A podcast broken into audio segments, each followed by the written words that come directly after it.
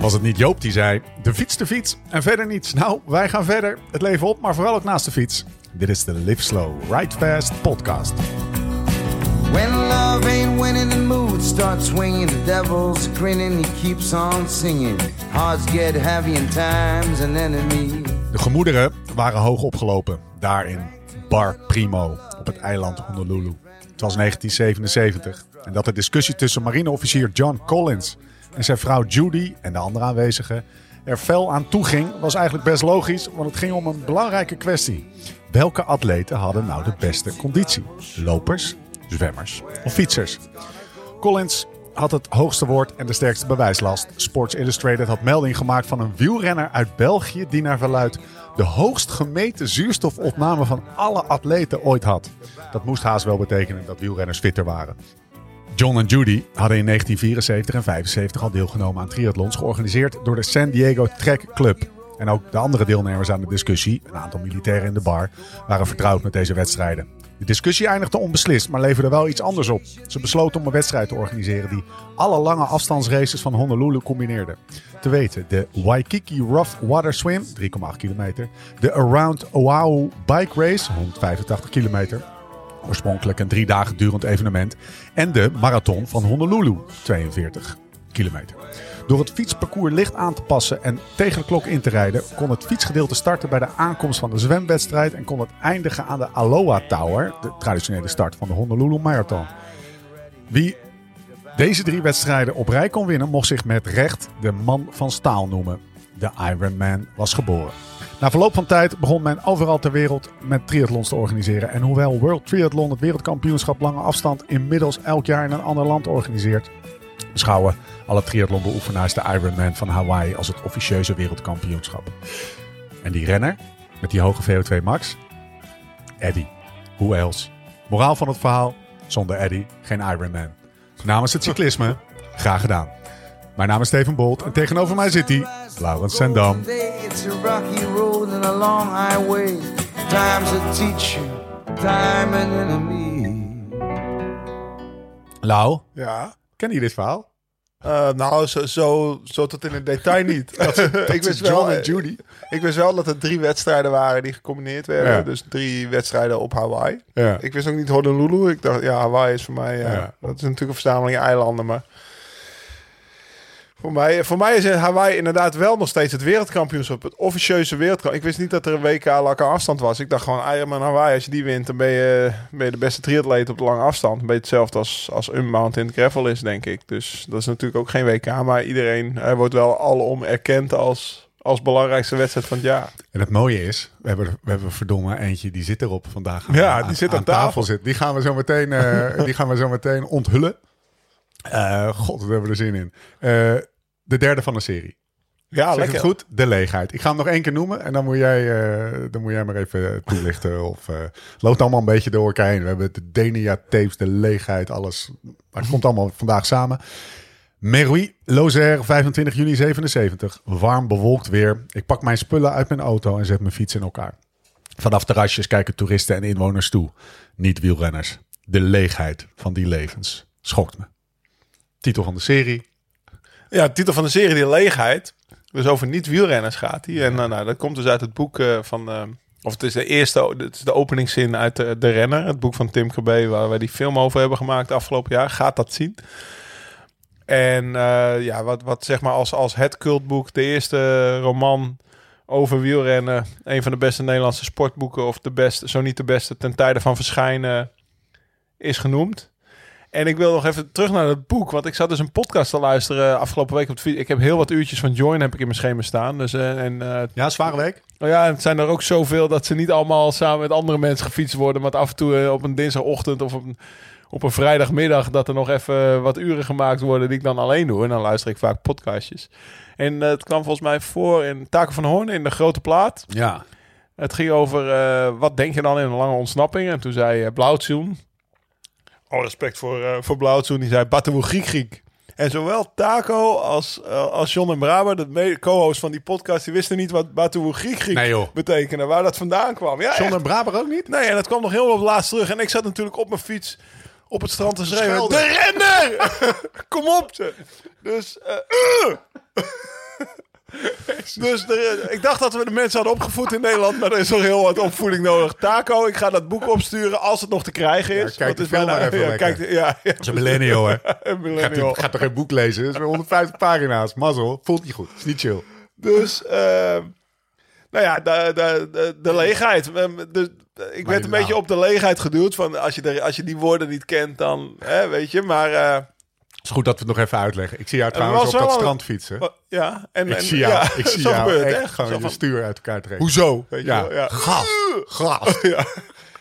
Maar Oké. eh, lekkere streak, want dit is dus aflevering 3, zoals je al zei, Ja. van, eh, van de leegheid. En eh, Vorige week Renger. vorige week Renger, daarvoor Michel. Nou ja, alle drie toch wel uitgesproken figuren die niet op een mondje gevallen zijn. Nee. En eh, de- zowel de Piet podcast met Michel als met Renger, dat, dat liep, als een, liep als een trein. Maar net zaten we tegenover elkaar en zeiden, nou deze podcast, daar hoeven we ons niet druk om te maken. We hoeven de woorden niet uit de beste man te trekken, gok ik zomaar. Ik had, eh, ik had op Insta een oproepje gedaan. Zijn, zijn er nog vragen of vooroordelen? Of ja, vooral dat laatste dan uh, hoopte ik een beetje op. Over- en die kwamen. over triatleten. Maar, maar er was er vooral eentje van, kunnen jullie hier niet meteen een serie van maken? Over de triatleet. Nee, Oh, over, onze gast. Oh ja. Tom Oosterdijk. Gozer. Eh, het, voor de, alvast voor de luisteraar. Als, als de luisteraar soms denkt, nou, een beetje joviale sfeer aan tafel. Dan, eh, dan kan dat kloppen, want we kennen elkaar natuurlijk uit, eh, uit Kenia. hè. Zeker. Ik, eh, het mooie is ook, ik heb, ik heb Steven Bolt, hè, dat, is, dat is natuurlijk de, de, de corporale, komt uit de corporate wereld, is in de wielrennerij ge- gestapt. En nou ja, Laurens ten Dam. Punt is, ik zit zelf nog niet zo heel lang in de sport, maar dat was blijkbaar vroeger een best wel goede wielrenner. En ik zag ze gewoon, vroeg, ik zag ze gewoon als twee maten in, in Kenia. En ik kwam er eigenlijk pas na Kenia ook achter. Ik wist dat je profielrenner was bij, eh, bij Rabo en Sunweb. Dat is het gedoe.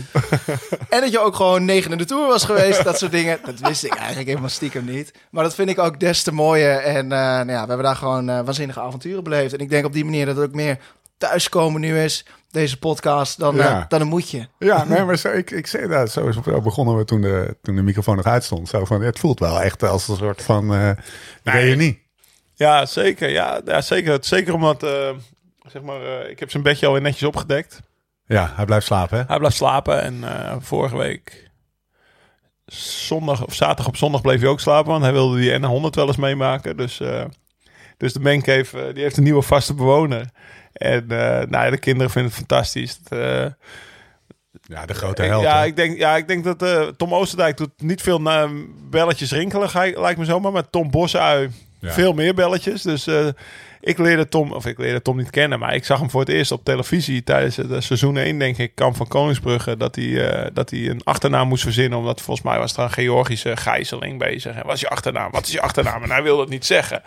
En toen, toen zag je hem echt zo nadenken. Hij denkt, ik moet een naam verzinnen. En, hoe heet je? Tom. Ja, hoe voor de rest? Hoe voor de rest? En, en eh, toen zaten ik en mijn zoontjes zaten voor de tv ook te gieren van het lachen. Wat zegt hij nu? Nou ja, zo, zo, zo, sindsdien staat hij zo bekend bij ons in het gezin als Tom Bosui. Ze werden fan van eh, Tom. Nou ja, als je, als je, de, uit, als je de, de afloop wil zien van... Ja. de- het staat allemaal op, eh, volgens mij op de NPO-app staat, het nog te- staat het nog te vinden. En ik, ik waarschuw je, als je één keer op, aan de aflevering begin, één begint... dan is het gewoon een binge. eh, het is gewoon een serie. eh, Kamp van, Kamp van Koningsbrug, hè? Ja, Dat is, eh, dat, eh, jij wist niet dat hij negen in de Tour was geworden. Ik heb nog nooit een aflevering van Kamp van Koningsbrug gast. Ja, nee, sorry. Nee, dus, dus de kern van het verhaal is... we vinden elkaars karakter gewoon... eigenlijk is dat gewoon heel Ja, puur. hè? ja, het is hè? gewoon eh, het is, is niet gemaakt. Nee, was mooi. Ik kwam hier vorige week... en je kinderen waren verkleed als soldaten... en het hadden het huis gebarricadeerd. Maar Kamp van Koningsbrugge, dan, dan, lachen. dan, dan worden we gewone beurzen opgeleid tot commando. Ja. Tot echte, dus Ja. niet tot soldaat, maar tot commando. Ik denk dat Ja. dus de special forces. Nou ja, en die twee van mij, die zijn helemaal into oorlog en guns en, eh, en weet ik veel wat. En Tom die zou dus zaterdag om, nou ja, ik wist hij komt om een uur of zeven. En om vier uur liep Bodio rond te drentelen. Papa, wanneer komt hij nou? Ik zeg, Bo, dat hoef je niet meer te vragen. Dat hoef je voorlopig niet meer te vragen, want het duurt nog best wel lang. Hè? Drie uur. En je zag hem drentelen en drentelen. En hij was zichzelf aan het aankleden. Had hij een gordel gemaakt hier van uit, uit, uit mijn fitnessding. Had hij zo'n elastiek. Had hij een gordel. Had hij al zijn pistolen ingehangen en een zwaard. Om mij helemaal klaar te zijn voor als, als de grote commando binnenkwam. Had hij de voordeur gebarricadeerd. Had hij bij de achterdeur booby traps gelegd. En op, op, op een gegeven moment, om, om kwart voor zeven hield hij het niet meer. En dan drentelde hij zo naar me toe. Papa, papa, wanneer komt hij nou? En toen, net toen belde Tom. Ik zei, ah, aan de overkant, waar moet ik zijn? Weet je wel. Ik zei, nou, je moet even zo omrijden. Dus ik zeg, nee, zie, gaan we. En toen hebben ze dus eh, een avond lang hebben ze... Ja, volgens mij, Bodie had een, een schietbaan gemaakt. En weet ik veel wat. Van alles hebben ze, hebben ze bedacht. En dat is wel leuk om te zien hoe, hoe, hoe Tom dan ook met die kids omgaat. Maar hoe belangrijk dus je eigenlijk als een soort ja, hoe dat belangrijk ook voor jongetjes is, weet je wel. Het bracht me ook weer terug naar mijn eigen. De, dat, dat ik soms wel jongetjes had die een handtekening vroegen of zo. Van, ja, nu zie je het aan je eigen kinderen. Hoe belangrijk dus iemand is die ze kennen. En hier komt Dumoulin en Terpstra en Nicky en Tom. Dus die kennen ze ook van voornaam. Interesseert ze helemaal niks als die hier komen. Maar hij komt en het is net alsof Sinterklaas binnenkwam. Zo spannend. Nou, dat is toch, uh, dat is Ja. toch lachen. Ja, Ze hebben, ze hebben nog de hele avond straks. Een Ja. paar uh, brolo's verder en dan... eh, Hij moest trampoline springen met, zo hoorde ik net. Dan gaan we die tijgersluipgangers even proberen. Eh, we gaan het zo meteen hebben over Kamp van Koningsbrugge en eh, je leven als triatleet en, eh, en Kenia. We gaan over. Even, hoe, hoe is het? Hoe, hoe gaat het met je? Ja, goed. Ehm, nou ja, eigenlijk, weet je, je kijkt naar buiten, je ziet de grijze lucht. Eh, het is 6, 7 graden. Afgelopen paar eh, weken was het vrij vochtig buiten. Dat is natuurlijk wat minder. Eh, dus ik ga komende week ga ik naar Girona voor een maand. Daar kijken we echt waanzinnig Een maand ook echt. Ja, om, om gewoon echt even flink goed te trainen met, met drie, vier andere, vier andere gasten. Dus daar heb ik wel echt heel veel zin in. Maar op zich, ik heb best prima getraind de afgelopen maanden. Rond de kerst natuurlijk even laten slippen, maar ook dat mag af en toe. Eh, en ik, eh, ja, ik vind het gewoon super tof, weet je. eh daar zullen we ongetwijfeld straks op komen. Wat doe je niet- als je het laat slippen? nou ja, dan, dan eh, eh, lekker drinken, eten, eh, weinig trainen. Eh, ik denk dat mentale reset, vooral als je echt heel veel traint, eh, echt super belangrijk is. Dus dan, eh ja, daar ben ik Kijk ook echt super. Dit- Nee, het maakt me echt niks uit. Dan, Ben je een zwijn? Dan ben ik van echt een zwijn. ja, echt hoor. Twee, maar wat ook zo wel zo is, dan, ik heb prima... Ik, ik heb mezelf verbaasd met kerst. Als Ja. in best wel veel wijn gedronken en ook best wel veel shotjes. Ik dacht, oh, morgen ga ik dat echt wel voelen. En ik voelde me best prima. En ik heb ook gewoon drie uur wel lekker gefietst. Of twee uur, dat was ook gewoon prima weer. Ehm, dus hè, s'avonds event, s ochtends event, dat ook. Maar geen, geen harde training of intervals. Het is gewoon helemaal eigenlijk vrij weinig. Of een dag helemaal rust. Dat, eh, Hey, en podcast, dit is echt, ik, ik, ik zou een soort van, we moeten hem even goed introduceren. Dat, laten we daar eigenlijk even nu mee beginnen. ja. Want dan kunnen wij Dan los met ja, alle, precies. kunnen we er in. Maar nu, nu weten mensen, er zijn, er zijn misschien mensen, Die kennen God Tom hebben hun ziel, niet. dat ze niet weten wie Tom Bosui, Tom Oosterdijk is. Hengelo, 7 augustus 93. Dat is trouwens nergens te vinden. Ik heb Nee? gegoogeld. Je hebt geen Wikipedia, man. ik heb geen... Ja, die ga ik ook zelf niet aanmaken. Nee. Vind ik zo treurig. Ah, Hij heeft wel een Misschien wel Lauwe. Tom Bos uit fanclubs bestaat wel op Instagram. Ja, Ja, gewoon eigen Ja, fans. Tom, Tom, Tom, TomOosterdijk.com. Fancy website. Lekker. Ja, met gewoon bewegende beelden, shit, alles, jongen. Loopt die triatleet daar een beetje door eh, Santa Monica of zo. Ja, ik weet ja. niet waar het was. Maar Dat was oké. Kona. Was dat Kona? Dat was Kona. Ah. Lekker. Eh, professioneel triatleet maakte in drie jaar de ommekeer van een 90 kilo wegende Leidse rechtenstudent naar afgetrainde fitboy op de gram. En vooral professioneel triatleet. Traint naast zijn studententijd een jaar lang fanatiek aan de, voor de Maastrichtse Ironman. En hij zet daar naar eigen, eigen zeggen een fenomenale tijd van 9 uur 14 minuten neer. Kent in maart vorig jaar zijn debuut als officieel professioneel triatleet in de full distance marathon van marathon van of triathlon sorry van Girona. Velen kennen hem als Tom Bosuy van Kamp van Koningsbrugge, de eerste triatleet die zichzelf niet zo serieus neemt. Getuige ook zijn eigen podcast, moeten we het zeker over hebben. Meester in de rechten, maar vooral onze homie tijdens onze Kenia-avonturen. Welkom in de podcast. Eindelijk, Tom Oosterdijk. Eindelijk. Ja. Ja. Ja, ja. ja. Wat, wat hoor je allemaal? Wat, wat, wat, eh, waar, waar, waar beginnen we? Ehm, nou, ja, we kunnen natuurlijk wel bij het begin beginnen als in hè, hoe ben ik überhaupt in de sport beland? Want ik denk dat is de hele reden. Jullie hebben een sportpodcast en eh, hoe ben ik daarin beland? Ehm, nou, ik heb, in, ik heb in Leiden gestudeerd. Nou, oorspronkelijk, in, ik ben in, eh, in, in eh, Twente opgegroeid. Hengelo. In Hengelo.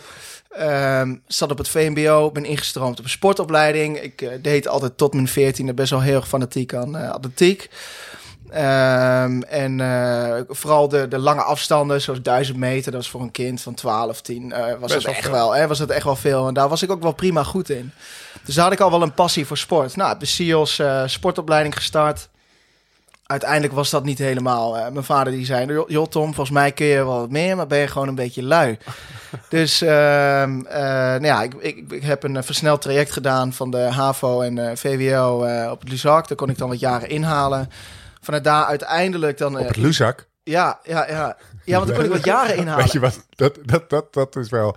De Luzak is toch een beetje... eh, de- Millennial. de- de- nee, niet millennial. De, de school voor de rijke jongetjes, toch? Ja, in Twente, nou ja, goed, het, het kost in, in zeker wel wat, wat, wat duiten. Maar ehm, het punt was, mijn cijfers op het VMBO waren gewoon echt heel matig. Dus op het reguliere onderwijs mocht ik niet eens eh, de HAVO instromen. Ja. Eh, plus eh, wilde ik wat jaren inhalen. En mijn vader, het was eigenlijk mijn vader die zei, joh, er zit veel meer in jou. En Ik dat, had eh, heel veel aandacht. op school daar. ehm, Heel veel begeleiding. nou, dat viel eigenlijk wel mee. Ja? Dat viel eigenlijk wel mee. Ehm, maar ehm, ja, hij zag wel, vooral omdat ik nooit iets deed en het wel ineens haalde, stelde hij zichzelf op een gegeven moment denk ik de vraag af: joh, als hij niks doet en hij haalt het, wat als hij wel wat doet? Ja, ja, ja. Dus ehm nou ja, heb HAVO gehaald en dat, dat ging ook super makkelijk. Dus zei hij, joh, gaan we het ook naar het VWO. Eh, ook gehaald. En toen besloot ik om eh, in Leiden te gaan studi- studeren. Heel wat anders, internationaal belastingrecht. Ehm, ja, dat uiteindelijk eh, een bachelor afgerond. Nog een half jaar gestudeerd in, in Heidelberg. Ik heb daar eh, bij een studentenvereniging gezeten, Minerva. En ik denk, wat ook wel typeert bij mij, is als ik iets doe, dan moet het 100%. Ja, dus, neem, neem ons eens even mee in die, in die donkere Studententijd. Nou, dat heeft hij in Kenia wel vaker, een paar keer Ja, gedaan, toch? Ja, Ja. wat, weet je, wat, bleef jou, nou- wat, wat, wat bleef jou het meest bij van die Het verhalen? meest bijbleef me dat hij nou ja, 95 kilo was. Toch? Best Ja, wel, ja, best ja, wel ja, gewoon zeker. vatzig, zuipen, nou ja, alles 100%. Net zoals met kerst hoor je shotjes. Nou, de laatste keer dat ik shotjes gedaan heb, best wel wat shotjes gedaan. kan ik me niet herinneren, maar... eh, Komt Misschien doordat het er heel veel waren en ik ernaast stond. Maar, Maar eh, wat mij het meest bijstaat over eh, wat, wat hij in Kenia vertelde over zijn studententijd. Want we hingen aan zijn lippen. dat doen we nu weer. En lagen Ja. we daar op die matjes onder die bomen. Dat- Dat shot zit ergens in de film over, eh, over Kenia. Dat hij daar in Duitsland ook naar een hele traditionele... Studenten. ja, student, eh, militair georganiseerde... koor 3.0. Ja, dat was... Nou, kijk, als je, als je luistert, denk je misschien... Jezus, is dit, is dit zo'n zo'n jongen uit Blaricum, bla, bla, bla. Nou, dat eigenlijk totaal niet. Want ook toen ik in Leiden kwam, was ik echt de boer van mijn jaar. eh, en het, eh, weet je, het interesseert me echt niet waar je vandaan komt of wat je bent. Ik, ik, ik, ja, ik vind je gewoon een leuk persoon als karakter. Of, hè, dat, eh, terwijl het koor staat altijd, er zit altijd best wel een, stigma op. Ik heb daar hartstikke leuke vrienden ontmoet en een hartstikke mooie studententijd eh, eh, gehad.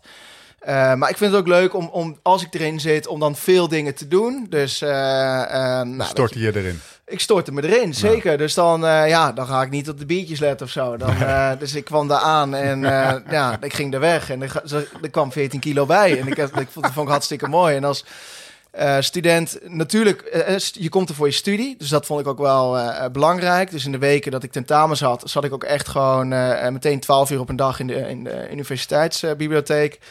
en eh, alles eh, altijd wel nominaal gehaald. Eh, wat is dat? Nominaal halen? Want- Eigenlijk gewoon, het, Moet je ja, dat je gewoon je tentamens haalt. Dus niet... eh, Als je, 40, je kan 40 Studievertraging. punten halen in een jaar. En dan, eh, dan Ja. als je dan zo 40 eh Geen punten haalt, dan... Geen ja, en hertentamens. ik heb wel, ik, ik was dan wel, eh, ehm, bijvoorbeeld, ik, ik vertelde niet aan mijn ouders wanneer ik tentamens had. Want dan wist ik, als ik dat aan mijn vader zou vertellen, dan zou hij zeggen, dan, kom je, dan ga je studeren. Terwijl ik dacht, eh, hè, noem ik bijvoorbeeld een voorbeeld, we hadden een keer een lustrumjaar en we zouden in januari met z'n allen zouden we gaan skiën met de halve vereniging.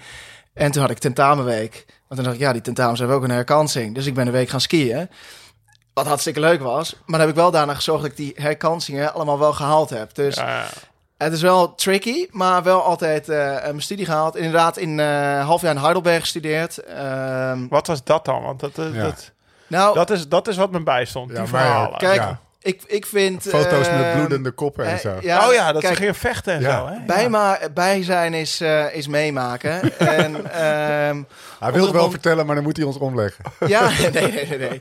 Kijk, in, in Duitsland heb je een hele, hele traditionele eh, eh, cultuur. Hè? Burschenschaft, dat zijn eh, eh, ja, van oudsher uit een soort van ja, politieke studentenverenigingen. Er gingen altijd verhalen rond in Leiden dat daar gebeurde het echt. Daar vochten ze met zwaarden en in gezichten. En ik dacht, nou ja, als dat zo is, dan moet ik dat gewoon een keer zien. dus ik ben het gewoon gaan googlen in, in, eh, in Heidelberg. En ik ben gewoon die huizen. En er waren inderdaad wat van die huizen. Ik had er nul verstand van, maar eh, ik heb, ja, er stond een telefoonnummer bij. Dus ik heb ze gewoon opgebeld. Ik zei, joh, luister, volgend weekend pak ik mijn auto. Dan kom ik jullie kant op. En dan wil ik wel eens even kennis maken. En als het bevalt, dan wil ik daar wel een half jaar zitten om daar eh, eh, te studeren. En eh, nou ja, zo gezegd, zo gedaan. Ik heb een auto gehuurd en ik ben er een weekend heen gereden. En ik ben vier van die huizen afgegaan. en het is echt een achterlijke cultuur. Weet je, ik dacht dat ik wat gewend was in Leiden, maar ja, dingen als... je woont daar in een studentenhuis. De huizen worden betaald door de oud-huisgenoten. Ja. Dus ze leven daar allemaal gratis. En het drinken is echt tot achterlijk aan toe. Dus als jij bijvoorbeeld eh, wil aanbellen bij een ander huis, ik noem een voorbeeld. Dus wij zijn studentenhuis A, we gaan met z'n drieën, hè, we gaan lekker op stap. We bellen aan bij huis B. En zij doen open, en want dat moet dan, dat is de cultuur. Je belt aan en dan zeg je eh bierjongen of klingen, zo heet dat dan. En dan Zo'n soort eh, wachtwoord of zo. Of ja, en dat betekent van, we willen drinken. Dan zeggen ze, is prima. Maar als zij dan met z'n tienen zijn, dan moet jij met z'n drieën moet je ook voor tien drinken. Dus dan eh, zet ze tien halve liters neer en dan zijn zij met z'n tienen.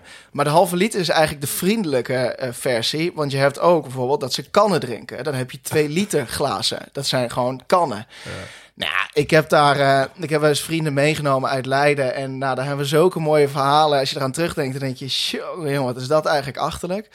Maar ook zo mooi, weet je, dat je, dat, ik- ja, dat je het gezien hebt. En, eh, eh, en bijvoorbeeld het zwaardvechten, dat is daar van oudsher uit dat ze ja, een bepaalde erecode. Dus wat doen ze dan? Ja, ze hebben een soort pak aan. Letterlijk alleen het gezicht is vrij.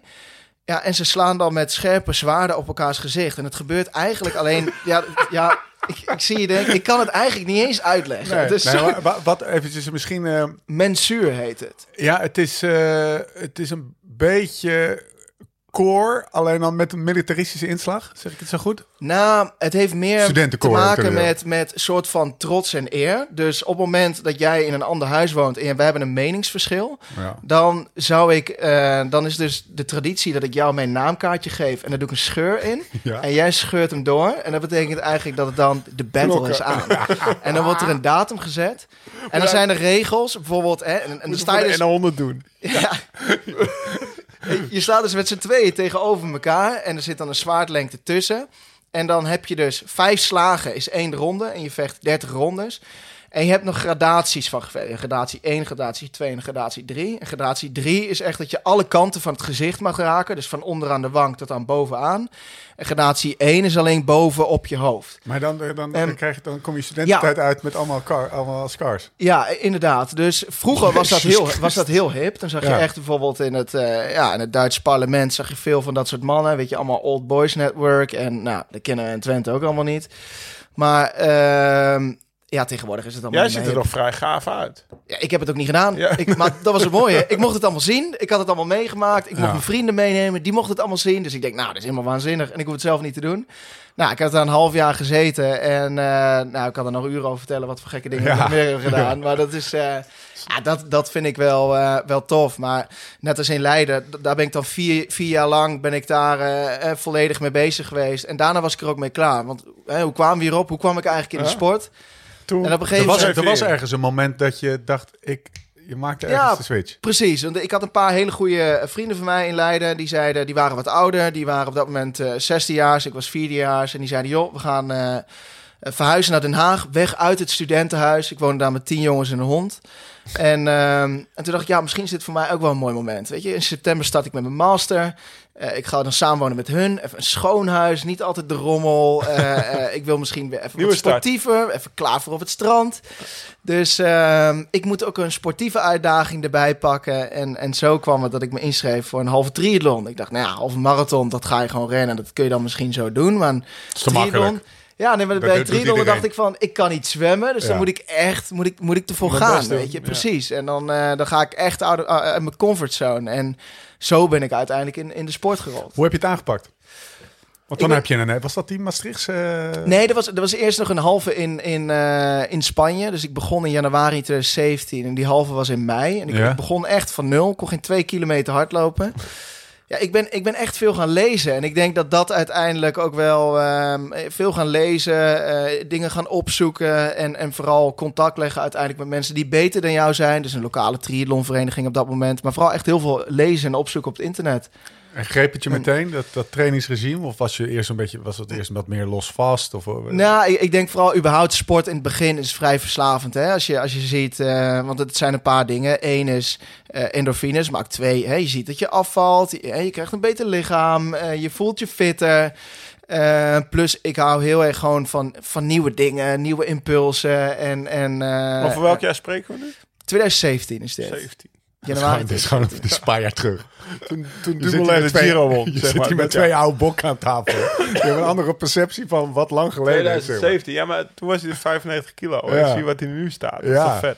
Ja, dat, en soms vergeet je daaraan eh, aan, aan terug te denken. En, ehm, ehm, maar ja, toen eh, veel, eh, ja, Dus vooral in 2017, je had natuurlijk, want dat was ook wat, iets wat ik had opgeschreven. Hè, zeg maar, laat hem zijn levensverhaal vertellen en, eh, en- je bent al een uur verder. Dat merken Ja. we. Maar eh, wat ik niet wist, wat, ik wist natuurlijk dat je na, na, na, het, eh, na je studententijd was begonnen en ook met afvallen en dat soort dingen. Maar wat heb je daarvoor gedaan? Want ik had, niet het, ik had het echt het, wel het idee van, nou, van 2017 tot nu prof triatleet worden, eh, mooie tijden lopen, het hele triathlonwereld, je kent hem. Er wordt een pakje bezorgd, gok ik zomaar. Dit is de, de Adam-spel. Als je controle hebt morgen, dan, eh, dan word jij ook wakker. en eh, nee, maar wat ik me dus afvroeg, weet je, wat heb je, wat heb je zeg maar voor je studententijd gedaan? Want ik kon me, kon me niet voorstellen, na 2017, het jaar dat Dumoulin de Giro won, dat is best wel Ja, gisteren. geleden. Ja, gisteren. Van, van toen tot nu zo'n zo'n stap heb gemaakt. Maar ik ben, eh, daar was ik wel blij om te horen dat hij zeg maar zijn hele jeugd best wel fanatiek ge, geatletiekt heeft. Want ik kan me niet voorstellen dat, zoals je hem nu hoort praten, hoe fanatiek hij overal ingaat, dat, dat, dat het tot zijn veertien eh, zonder, eh, zonder fanatisme was. Had je indicatie dat je talent had goed was? Of kreeg je die pas na die eerste of die tweede triathlon? Ja, eigenlijk wel. eh, nou, als, ik- als, als ik eraan terugdenk, dan eigenlijk wel, wel vrij rap. Dus als ik eh, zie, hè, januari, eh, eh, nou, ja, het was eh, 93, 94 kilo. Eh, toen heel erg gaan eh intermittent fasting, dat soort dingen ben ik gaan doen. Ehm train ik ook nog niet superveel. Je moet dat ding allemaal, moet je allemaal langzaam opbouwen. Maar in maart liep ik de CPC in Den Haag. En toen liep ik al 1,35. Voor mij zeiden toen de tijd, zeiden die tijden Ja. helemaal Halve- niet. halve marathon, Halve marathon Oh, halve marathon. En als ik, als ik nu bijvoorbeeld iemand, eh, eh, als ik nu iemand zou, hè, die overgewicht heeft en zou starten en dan 1,35 loopt, dan zou ik wel denken vier van, maanden. Of precies, drie ja, maanden. drie maanden. Dan zou ik wel denken van, oh, wow, weet je, dat is wel, maar dat had ik toen niet. Ik had geen, geen idee van tijd en ook, Wanneer kreeg je dat wel?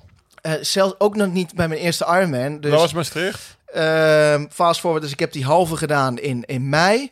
Eh, toen waren er wel wat mensen om me heen die zeiden van, eh, van wow, weet je, je, je maakt best wel snel stappen. Ik had het zelf niet, niet heel erg door. Ik had toen ook wel, ik vond het leuk, maar het was nog niet, hè, die echte, dat echte vuurtje was er nog niet. Mei. En, eh, wat, hoezo? Ja, toen won Tom de Giro.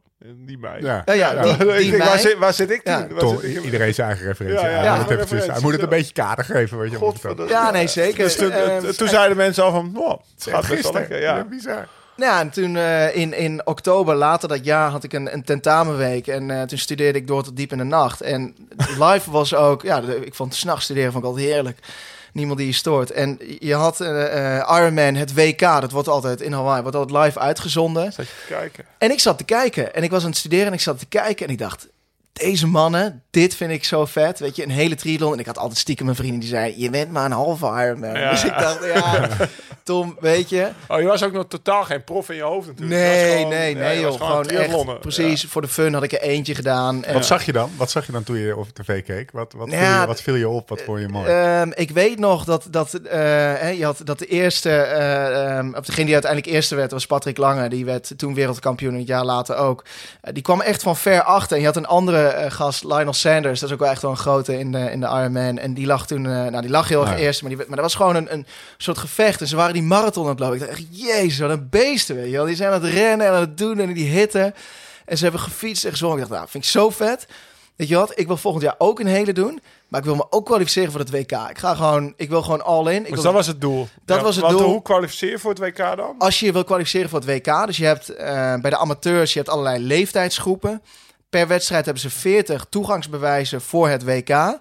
Die worden verdeeld over het aantal deelnemers in de leeftijdsgroepen. Ik zat op dat moment in 25, 29. En dan moet je vaak, ja, moet je je leeftijd gewoon winnen. Ehm, om, om, omdat er niet heel veel mensen zijn in die categorie die menen om mee te mogen. En door dat 25, 29, daar zitten vaak ook best wel gasten bij die heel goed zijn. Dus eigenlijk moet je lastig, gewoon in ja. top 10 van de amateurs van de wedstrijd eh, eindigen. Het was best wel, eh, als ik eraan terugdenk, een mega ambitieus doel. Eh, maar ik had het gesteld en ik weet nog dat ik bij een triathlonwinkel kwam voor een bikefit. En ik vertelde dat aan die man en die zei tegen mij, dat kan niet, dat kan nooit. Gek Er is, ik ken mensen die trainen 20 jaar ervoor en die redden het nog niet. En ik dacht, ja, weet je, we zien het wel. En het jaar erop, eh, ehm, dus in, in augustus, eh 5 augustus, deed ik dus die hele triathlon. En nou, voordat het, start, of het startschot ging af. En die maat zegt tegen mij, waar is je zwembril? En ik had helemaal geen zwembril op. Ja, je stond dus aan het, dus dat was je groot, dat heb je me vorige week verteld inderdaad. Dat was je grote doel, Ja. toch? Zo dat hij, Was het Nou ja. Maastricht? Dit was in Maastricht. Ja. had hij, had hij, had hij acht maanden voor getraind. Dat is augustus 2017 praten Dit, over. is- dit is augustus 2000 2018. 18, 18 jaar. Dus je was doorgegaan met trainen Exact. en in 18 ging je plaats voor het WK het jaar daarna. Sta je aan de start, hè? Dan heb je dus alles goed gedaan, maandenlang, weet je. Want die, die, die gasten zijn lijp, die trainen veel te veel. Dus eh, hij waarschijnlijk ook al toen. Zeker Nou, nog. toen echt nog niet hoor. Oh, oké. Nou ja, hier. Heb je het al? En je ging goed, hè? Maar toen... eh, vergeet je... Heb je een zwembril niet op orde voor de start? Kom op zeg, gast. Ja, weet je, dat je... Ik Ik moest weet ineens het. aan het verhaal maar- van Bouke denken. Dat ze communicatie Ja, krijgt in de belangrijkste etappe. Ja. Ja, dat klopt. Ehm, maar ook bijvoorbeeld twee dagen voor de Maar wat wedstrijd. gebeurde dan als je zwembril niet hebt? Nog even wat... Ehm, nou, ik, eh, ik had hem nog in de tas bij mijn moeder. En, Schoolslag. Schoolslag. Ja. Boven water. nou ja, het punt is wel, hij zat in de tas bij mijn moeder. Ah. En ja, op de kade stonden duizenden mensen. Maar Waar ga maar eens moeder? mams schreeuwen. Weet je, dan kijken er duizend vrouwen om. Ja, daar heb je niks aan. Dus, dus ik ren die kade op. En eh, ik kwam bij pure toeval een vriend tegen. En ik bel gelijk mijn moeder op. En eh, nou, die nam op. En nou, die zei, ik loop het centrum uit. Want ik zit met mijn honden. En eh, die heeft twee van die Frenchies. Die zitten in zo'n karretje. Maar die was gelukkig nog in de buurt. En daar zat mijn zwembril in de tas. Snel die zwembril op, terug. En het was een rolling start. Dus dat betekent, eh, eh, de mensen starten als je over de mat gaat. eh, Oh, dan pas telt het. Precies, dus het is geen Oké. masstart waar je met z'n allen tegelijk start. Maar gewoon vaak, vaak per vijf. Maar het nadeel is, dus ik kwam teruggerend, hartslag 180. Ik denk dat er nog 20 man op die kade stonden van de 3.500. En eh, het water in. Ja, dan zit je achter alle langzame. Ja. Maar goed, ik kon toch niet zwemmen op dat moment. Want dat start op, tij- het start op zeg maar eindtijd. Wat je verwacht te gaan lopen, Klopt. toch? Dat, zo hoort het Ja, ver, verwacht te gaan zwemmen vooral. verwacht ook ja, zwemmen, dus stel dat je denkt een uur zwemt, dan, dan sta je vooraan. En, eh, maar ja, Dus het was, het was al jouw groepje. het was mijn groepje, zeker. Ik voelde me helemaal thuis. En ik dacht op dat moment ook van... Weet je Tom, laat al die doelen maar zitten. Ik denk dat je gewoon vandaag moet gaan genieten. En eh, nou, ik kwam het water uit. Het was 1 uur 10. Het, een prima, eh, oké, weet je, niet slecht, niet, niet goed. Ehm, en eh, ik sprong op de fiets. Ik had twee dagen van tevoren had ik een, eh, een powermeter even op de fiets gezet. En ik fietste altijd met een, eh, met een, eh, een vent die altijd eh, 250, 260 watt fietste. En eh, hij zegt, nou, dat ga ik aanhouden voor de race. En ik dacht, nou, ik fiets altijd met hem, dan ga ik dat ook doen.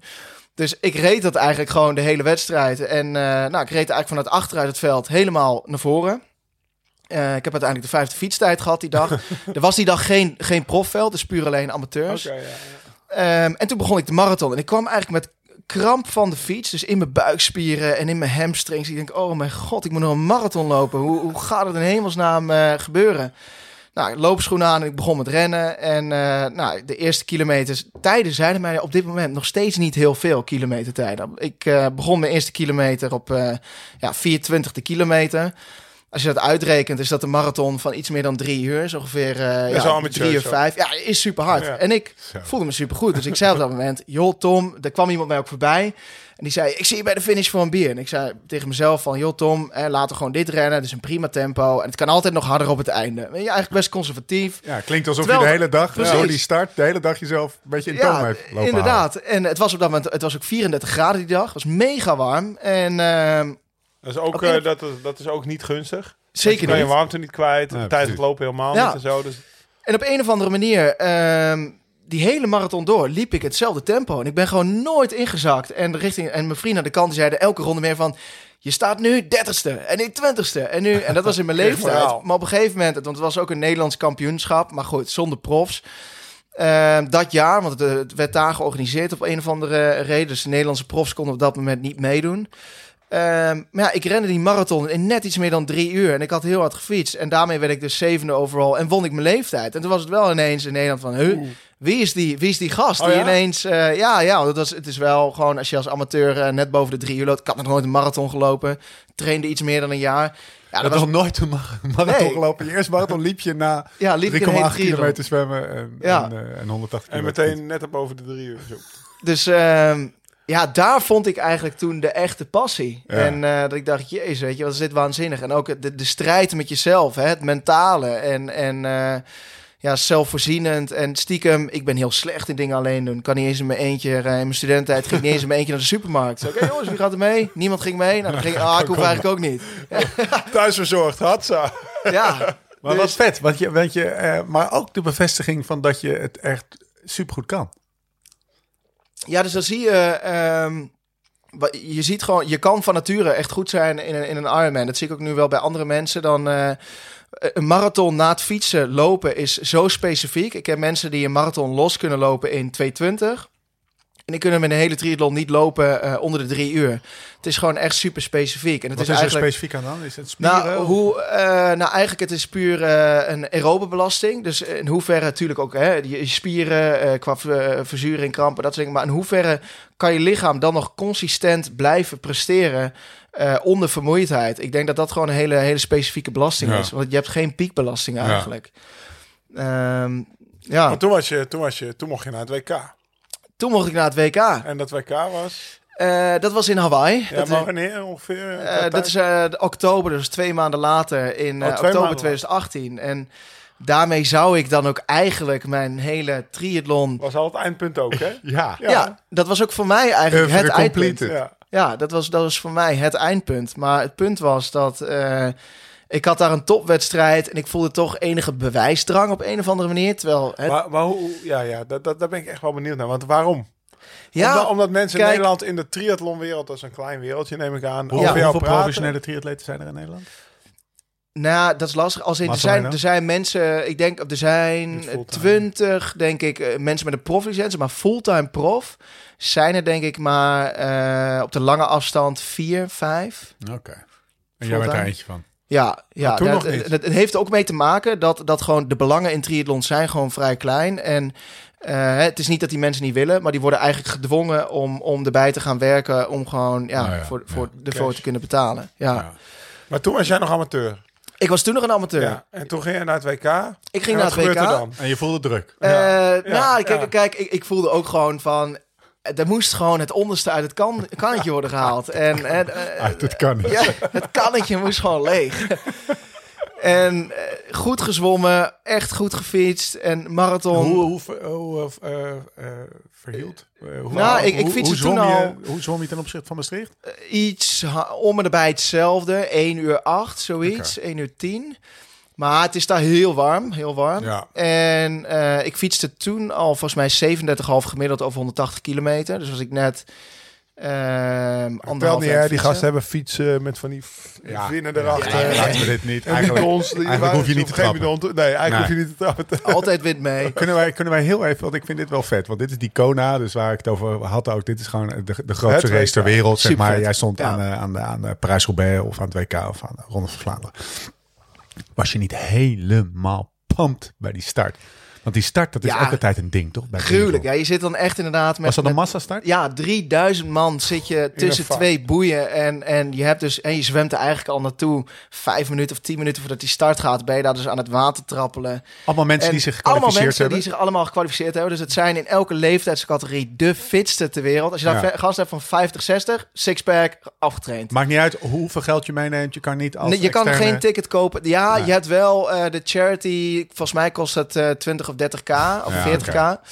Maar ja, dat is ook niet makkelijk. Kan niet zomaar. Oké. Oké, dus Maar- vanuitgaande dat het gewoon echt Allemaal- fit boys en girls. Fit boys en girls. ehm, iedereen is echt het mannetje. Het zijn allemaal alpha mannen. En dan zit je daar voor die start Hou die vast. te water trappelen.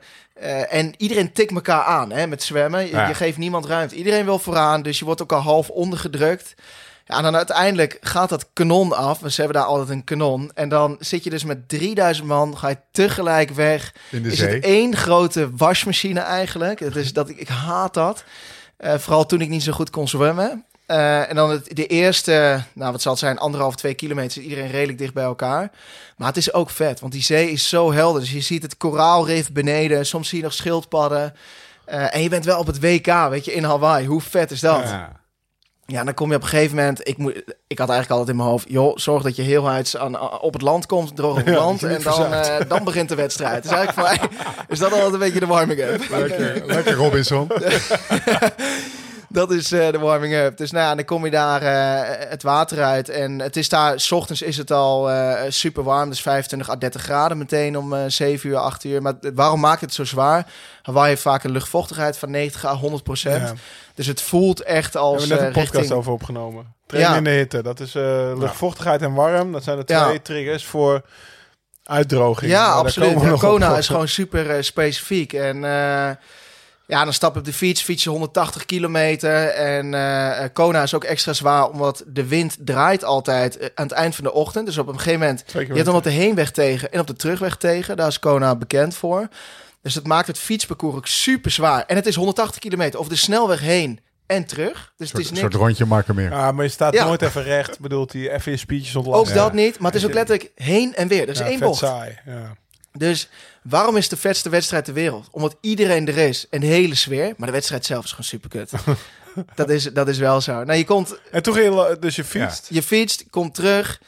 Nou, je start, je begint de marathon. Dan heb je acht kilometer door het centrum. Daarna draai je weer de snelweg op. En dan loop je de rest van de marathon eh, over de snelweg. Op een gegeven moment linksaf voor het vliegveld heb je daar het Energy Lab. Ja, dat wordt zo genoemd omdat het daar zo verschrikkelijk warm is. Dat ze daar eh, ook, hè, ze hebben daar ook een, eh, een, eh, een soort space centrum en dat soort dingen. En Energy eh, Lab, daar doen ze ook bepaalde metingen. Het is daar een, het- kut. Ja, is daar zo loop je kut. Letterlijk het asfalt brandt onder je benen. ja, ja. Ehm, en je ziet En daar hoeveel gewoon... kilometer is dat? Dit is ongeveer eh, eh, 25 kilometer in de marathon. Dus En dat is ook precies het toen? punt dat ja, het hoe zwaar voelde wordt. je je toen? Goeie. Nou, ik voelde me toen nog prima. Ja. Ik voelde me toen prima. Weet je, het, nou ja, prima. Iedereen voelt zich dan gewoon, alles doet zeer. Vooral mentaal wordt het zwaar. Zondag- dat zei hij ook in kamp van Koningsbrugge toen hij een week lang niet geslapen heeft. Gaat Ja? nog wel, gaat nog wel. Ja. Zijn prima is een andere prima dan jouw prima en mijn prima, denk ik zomaar. Maar jij voelt je nog prima? Ja, maar het is wel... Iedereen, bij iedereen doet alles pijn. Er is niemand die daar rent en die, die, die een lekker duurloopje heeft van zijn zondagtraining. Dat is, er is niemand. En ik denk het verschil tussen een goede atleet en een slechte atleet... is degene die die pijn kan uitzetten... En daadwerkelijk weet, hè, de standaardpijn zoals een blaar of, of ik eh, het doet zeer of wat dan ook, dat hij daar doorheen drukt. Ehm, dat onderscheidt zich een goede atleet van, van iemand die bijvoorbeeld mentaal toegeeft en wordt te zwaar en die gaat daar wandelen. Ehm, maar ja, wat je ook ziet, hè, uitdroging, mensen die eh eh, carbs tekort, die gewoon hongerkloppen krijgen. Eh, het is daar echt een slagveld. Maar ja, en dan loop je eigenlijk vanaf daar is het ook terug. Dus terug naar huis rennen, terug naar de start, de finish. En ehm, ja, daar eh, eh, een kilometer voor de finish, of twee kilometer voor de finish. Ik, voel, ik had nog wel wat, wat in het, het kannetje. en het kannetje moest leeg. Leeg, ja. Dus ik dacht, ik ga gewoon eh, sprinten. Of gewoon echt zo hard als ik kan. En op het moment, hè, je moet je voorstellen, het is daar al rond de 40 graden. Je hebt al een wedstrijd van 9 uur achter de rug in die hitte. Je bent al uitgedroogd. Je koortemperatuur is al warm. Ja, drukte ik mijn lichaam gewoon over het limiet. En eh, nou ja, ik ben gewoon letterlijk, ik kreeg een heatstroke, maar ook best wel ernstig. Dus ik ben gewoon oud gegaan.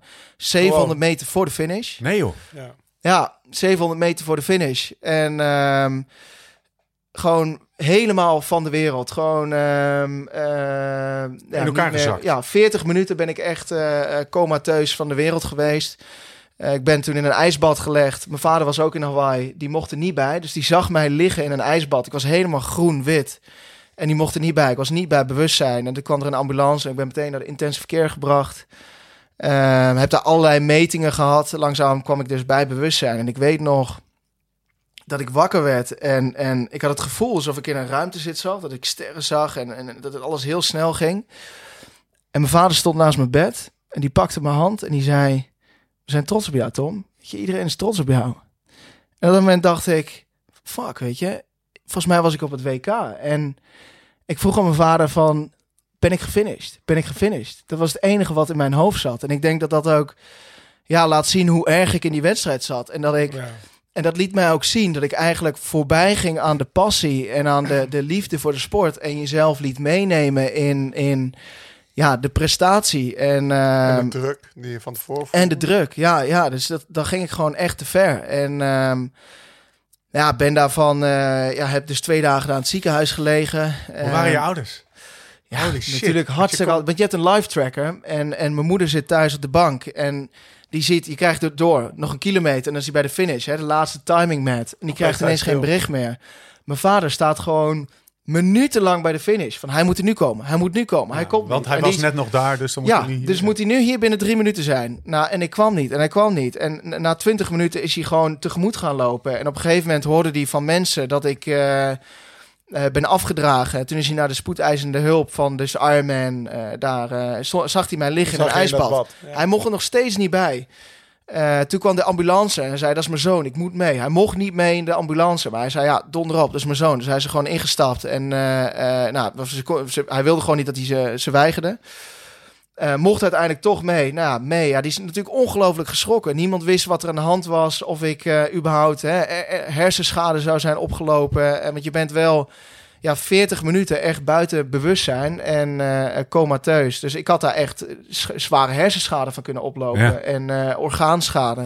En, en, en ik hoor je nou net zeggen, een goede atleet van een, van een normale atleet, waar die zich van on- onderscheidt. Klopt. Maar eh, een, een topatleet, die loopt zich waarschijnlijk ook niet Klopt. daar voorbij, denk je. Bedoel je dat? Ehm, Of is dat, nou, eh, is dat eh, kort, kort te, te, te ik denk- makkelijk gedacht? Beter ver gegaan. Kijk, ehm, dit waren natuurlijk extreme omstandigheden. En wat ik hier heb gedaan was natuurlijk super dom. Ik ging aan het einde van de marathon in die hit en die omstandigheden gewoon sprinten. Eigenlijk wat ik in een intervaltraining zou doen. En ook dat, dat, dat tempo was gewoon achterlijk hoog. Dat liep de wereldkampioen niet eens. De laatste, ja, de laatste twee kilometer liep ik 3,30 per kilometer. Dat eh, is een marathon van 2,25. Ja, als je dat de hele marathon zou lopen. Ja. Dus het is gewoon super dom om dat te doen. In combinatie met, ik nam geen zoutpillen of electrolyte tabs in Kona dat jaar. Ik had toen nog te weinig verstand van, eh, van dus eh, eh, wedstrijdspecifieke voeding. Eh, en ook eh, gewoon onwetendheid, weet je. Gewoon Je was gewoon een jezelf, amateur nog. ja, je lichaam niet kennen. Ja, ik zat net, Hij was echt een amateur.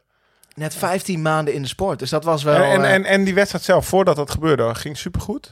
Of relatief goed ten opzichte van de rest, bedoel ik niet qua ja, tijd, nee, maar- zeker. Absoluut. Absoluut. Het ging, eh, het ging supergood. Ja, nee, het ging- Je was Ik- echt lekker bezig. Waar, waar, Ja. baal je, waar baal je het meest van? Dat je niet bent gefinished? Of dat Nou, je je limiet niet kende? ik... ehm, Of baal je eigenlijk nergens van? Nou, ik, ik denk dat ik van allebei niet zou zeggen dat ik van allebei niet baal. Want ik denk, ehm, de atlete die ik nu ben, is voortgekomen uit de situatie van toen. Ja. Ik denk dat het zo'n wijze les was. Want op het moment dat dat niet was gebeurd, was ik gefinished. En misschien wel gestopt met triathlon. Want ik vond het super vet. Maar dat was dan wel, eigenlijk was dat voor mij het eindstation. En toen was het voor mij van, dit is niet afgesloten. Weet je? ik ben gewoon niet gefinished bij het WK. Dus ik moet terug. En, Dus ik eh, ga door. ja, dus ik moet, ik moet dit voor mezelf afsluiten. Ik kon het gewoon niet. eh, het is eigenlijk een soort studie die je bent begonnen, maar niet hebt afgemaakt. Dit was het voor mij. Of een. eh, dat is ja. geen optie voor jou.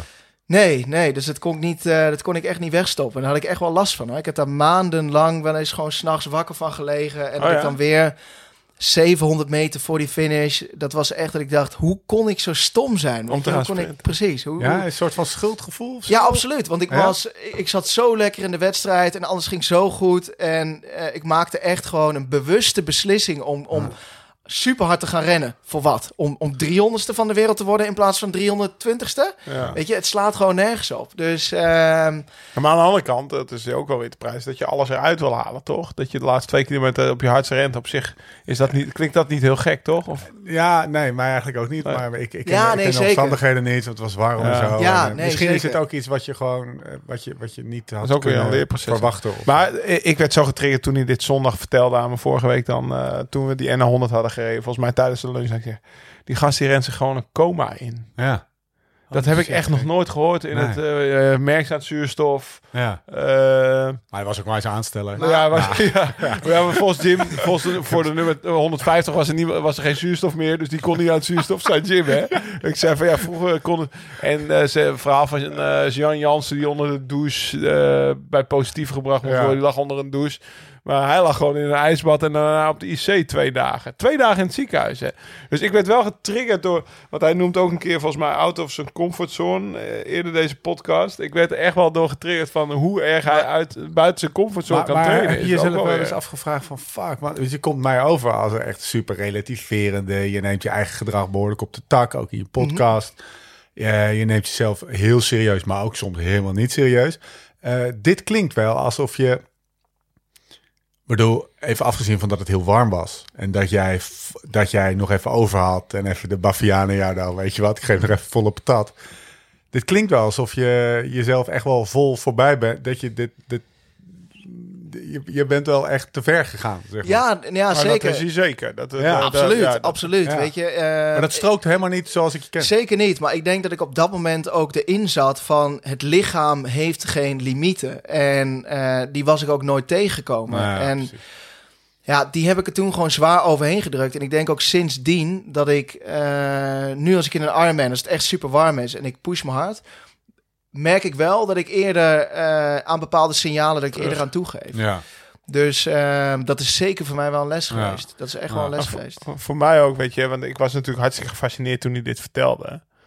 ja, dat is ook wel Ja, aan de ene kant is het ook wel weer een beetje, weet je, mijn, mijn, eh, ik ben ooit gaan wielrennen omdat dat de zwaarste sport ter wereld was. Nou, het, eh, misschien het triathlon eh, Nee, nee, nog nee, zwaarder. Nee, nee, nee. Die, die, anders. Maar dat is maar twee dagen per jaar, dus dat is iets anders dan een tour, zeker weten. precies. Maar het Dat fascineert me wel. We dat vooral niet. Het fascineert me op een of andere manier. Ja. Fascineert het me dat iemand zichzelf zo Ja. over de rand kan duwen. Gebeurt het dat, dat is mij nog nooit gelukt. Maar aan de andere kant is het natuurlijk ook super dom dat je niet aan die signalen toegeeft. Ja, van, ja, dat- nee, zeker. ja. zeker. Was je de dat enige dat is die er in het ijsbad lag? Ehm, het, het gebeurt zeker vaker. Het gebeurt zeker vaker. Ehm, maar niet super vaak. Maar het heeft altijd te maken met hitte, eh, voeding. En kijk, sommige mensen hebben, zijn genetisch hebben die een probleem. Dat, dat zie je bijvoorbeeld bij. Hè, je hebt toen bijvoorbeeld de Dam de Damloop gehad in Amsterdam. Dat mensen een heatstroke kregen Ja. bij een editie dat het 12 of 13 graden was. Die hebben Die tegen. Die, kunnen, die hebben gewoon een genetische afwijking. Eh, die hebben heel veel pech. Eh, en het is inderdaad belangrijk dat er expertise is. Ik had heel veel mazzel dat in Hawaii is daar heel veel expertise. Vooral Ja. bij die Ironman. Om je meteen op te vangen bedoel je? Precies. Ja. Eh, maar het gebeurt zeker vaker. Maar het komt niet heel veel voor. Omdat het met, ja, Heftig. het is best wel... Je moet je lichaam echt wel ver pushen... wil je in zo'n staat kunnen komen. Mooi verhaal, Tom. Fast forward naar nu. Ja. Ja, hoe, Hoe- ben ik uiteindelijk... Hoe is jouw leven nu? Ja, eh, nu ben ik dus fulltime prof. Ja. Ehm, dus dan vraag je af, hoe kan dat in zo weinig jaar? Hoe krijg je ineens zo'n proflicentie? In- Ja, is dat, gaat het gewoon met een licentie? Koop je die zelf? Hoe werkt dat in Ja. het ja, je moet... Eh, in- bij, bij ons moet je een ploeg hebben ja, die je betaalt. En dan eh, ben je het waard om een proflicentie aan te vragen. Zo simpel is het in, Ja. in het wielrennen. Je hebt, je hebt in Nederland heb je de, de, de Triathlonbond en die heeft bepaalde eh, kwalificatie-eisen.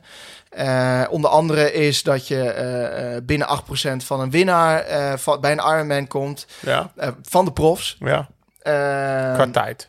qua tijd of, of, eh, eh, best, of een mega talent vertoont. eh, dat soort dingen. Maar er zijn best wel harde eisen.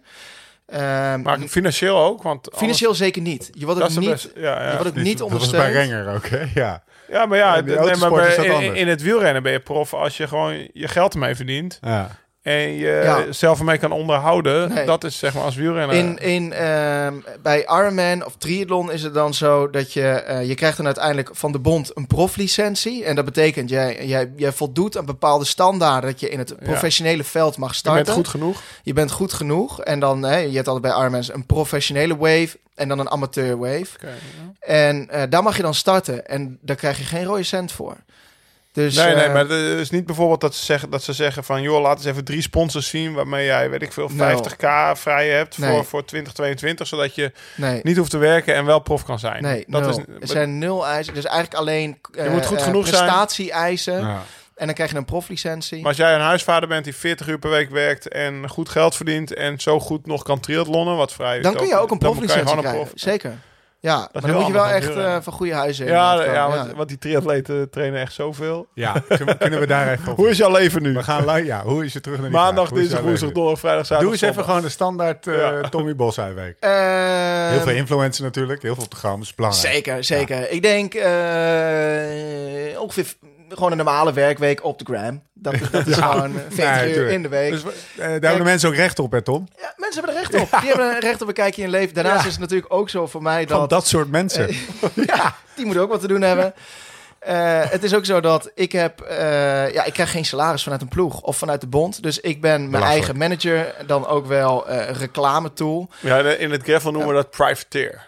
Dus dat is eh Stettina, maar ook ikzelf. Of, Ja. of eh, gewoon, je, je hebt in gravel misschien 20 profs.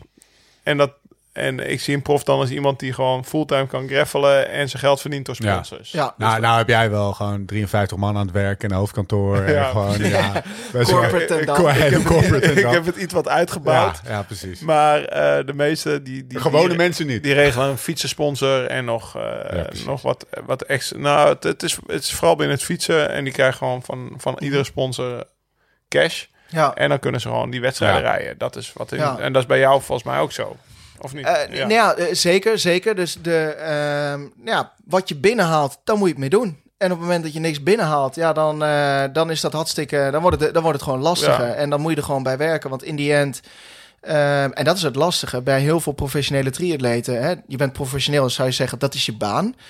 Maar bij het gros is het ook zo. Dus eigenlijk betalen die voor een hobby. Hè? Want die, die zijn prof, maar eigenlijk is het een hobby, want die krijgen er geen geld uit. Dus die werken fulltime of parttime Ja. om dat te kunnen beoefenen. En het lastige is, eh, er zijn eigenlijk een paar problemen. Eén is, het is natuurlijk een, een niche-sport, maar eigenlijk is gravel dat ook. Maar het is dat heel veel amateurs komen. Maar de, het, is geen, het komt niet op tv, dat soort dingen. Dus eigenlijk zou dat het probleem niet zijn. Maar heel veel eh triatleten zijn vaak wat eh, ehm, ja, incentriek, ehm, Introvert. introvert, zeker. eh, zijn gewoon ja, Zo kijken we nou, als we dat als, zou ik niet, zeker als- niet nee, zeggen. maar zoals wij als Ja, wielrenners. wij wel. Wij, wij van het cyclisme Nee, wel. in het wielerpeloton, zoals wij naar triatleten kijken, dat zijn toch wel een apart slag voor. Ik ben een keer met een triatleet op trainingskamp geweest, een vriend van Karsten. Ja, dan gingen we vijf uur trainen. Best wel, eh, nou ja, reed je hard een klimmetje op, reed hij erachter. Reed op het vlakke wat rustiger, omdat ja, dan reed hij er weer voor, want die reed de hele dag dezelfde hartslag. Dat was toen nog in de tijd van de hartslagmeter. hartslag 150, ik weet nog goed. En een Nederlands kampioen was hij ook, Chris. Chris Brands. Ik weet niet of die naam weet. Ja, ja. Ah, dat, is, wel- dat een hele Ja, bekende naam, ja, ja, toch? die- die- dus, dus, en eh, hadden we vijf of zes uur getraind daar door de bergen bij La Nucia. En dan, nou ja, dan vonden wij onszelf hele mannen. eh, en dan lagen op de bank een beetje na te ouwe hoeren over daar reek je eraf. En nou ja, gewoon zoals wielrenners Ja. ouwe hoeren. En dan Nie- niemand had het over tijd. Nee, gewoon, nee, wie gewoon er over wie, wie er eerder boven was. Precies, tijd is echt niet belangrijk in het wielrennen. En dan ging Chris opeens met zijn rugzakje liep hij naar buiten in sportkleding. Ik, ik riep nog, ik weet nog dat ik hem nariep. Wat ga jij doen?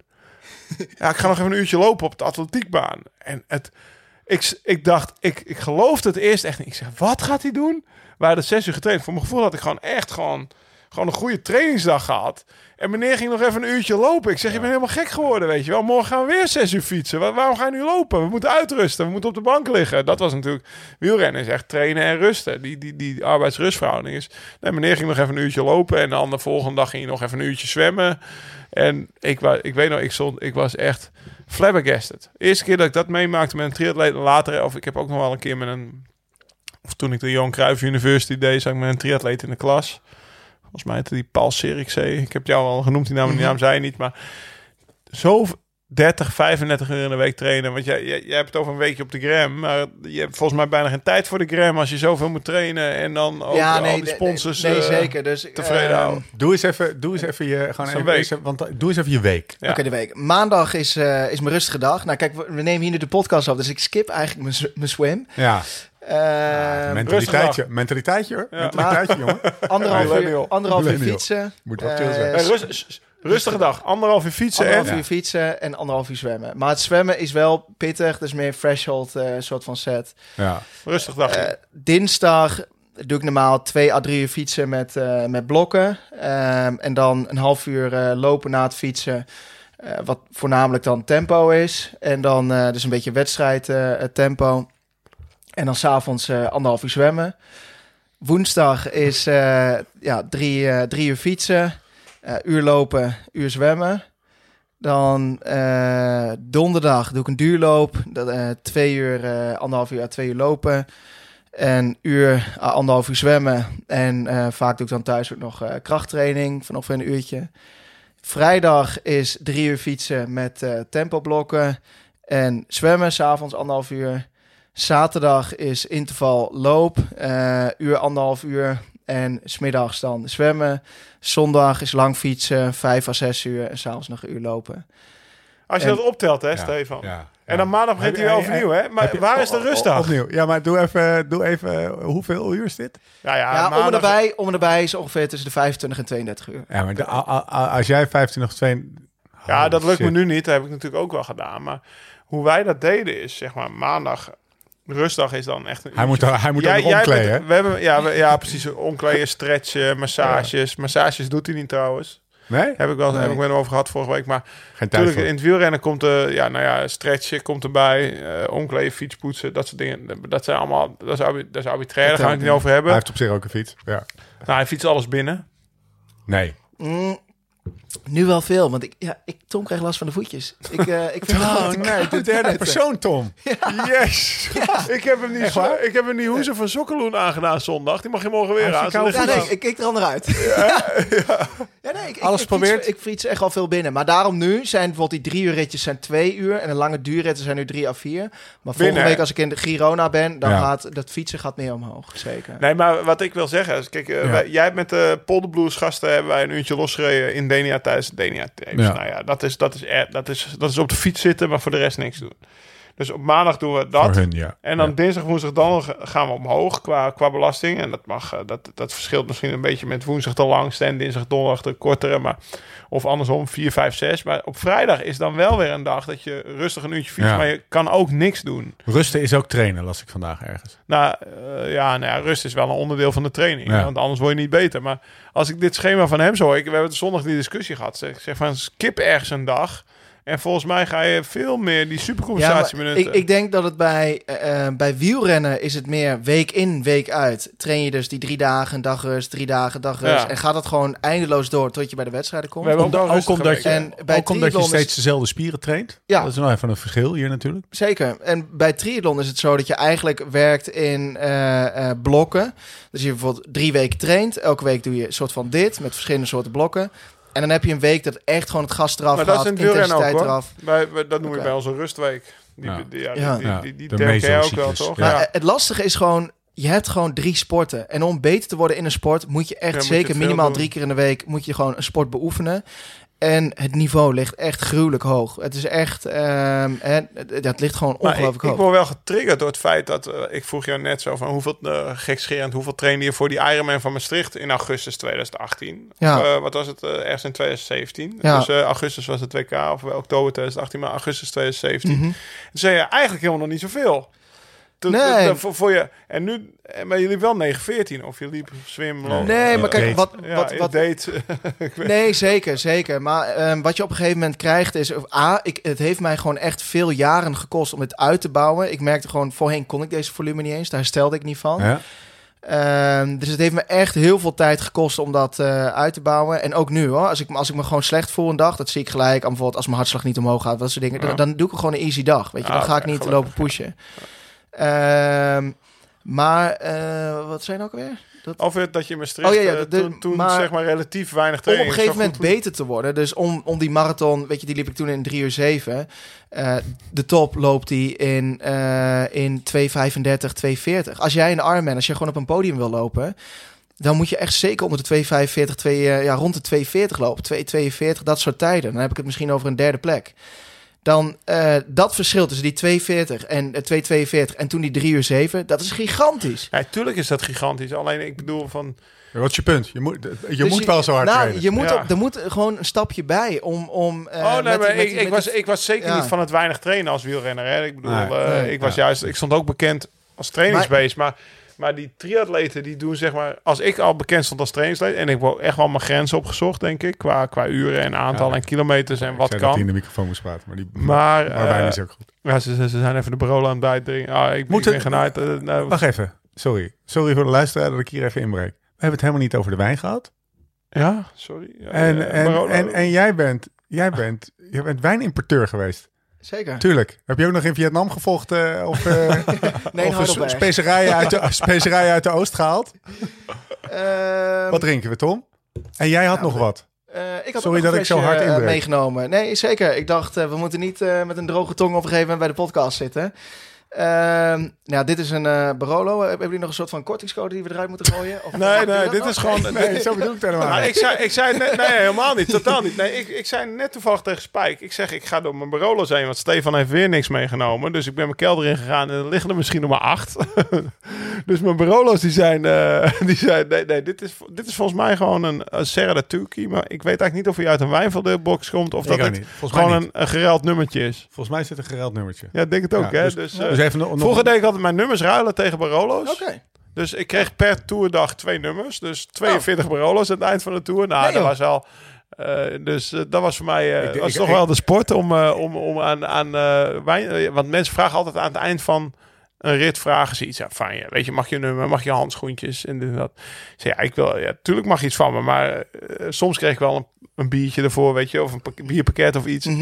En toen kwam op een gegeven moment kwam zeg maar de gimmick om dat te ruilen tegen Barolo's. En dat wisten mensen. En dan stonden ze na de finish al klaar met flessen. En dan, Misschien ja. is dit wel een, een fles van, van een hele dikke vette Pyreneeënrit in de regen. Ja, En Ja. die zitten wij er Die gewoon echt achterloos achterover te Die slaan. hebben we gewoon even weggeslommerd met z'n drieën. Nee, Hey, eh, Lau, sorry dat je onderbrak, maar... Maar, hij is eh, dus, dus wijninkoper Ja. geweest. Hoezo? Als, als bijbaan, als, als, als, Nou, als echt? Of als... ehm, goed, dan zou je net afvragen van... Oh Tom, haal jij dan de braam en de persikken uit de wijn? Ehm, nee, zeker niet. Ik ben geen eh, sommelier. Ik zat op een gegeven moment... eh, ik, ik, Zonder geld.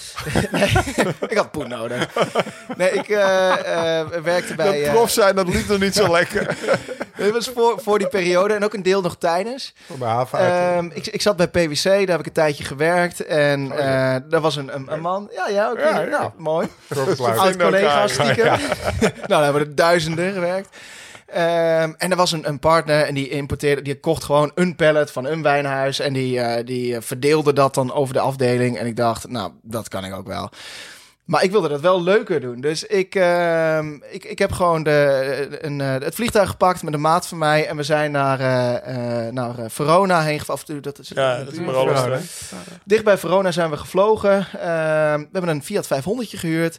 En ik had Groot denken. ik, zeker, maar ik dacht ook slim denken. Dus mensen zeiden, maar je hebt toch helemaal geen verstand van wijn. Hoe ga je dat nou kopen? En toen dacht ik, nou, heel simpel. Je hebt allemaal apps zoals Vivino. Dus we zochten gewoon 40 wijnhuizen op. Bastard. Overal dan alle beste ratings van de wijnhuizen. Gingen we allemaal af. Dus echt in vijf dagen reden we half bezopen in die Fiat daar rond. En, eh, en dan gingen we uiteindelijk kijken. En het mooie was, die vriend van mij, die had een heel ander smakenpalet dan ik.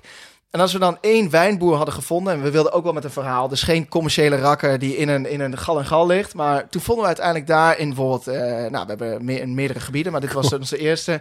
In Valpolicella vonden we een mooie wijnboer. Amarone. Ja, de- inderdaad, de Amarone, de Ripasso, ja, de. Classico. Eh, daarvan heb ik vandaag ook een wijntje meegenomen. Lekker. Ehm, en Amarone of Ripasso? En, en eh, nou, dit is dus een eh, Corvina, wat een van de druiven is. Die Lekker. gaat in dus de Ripasso. Lekker.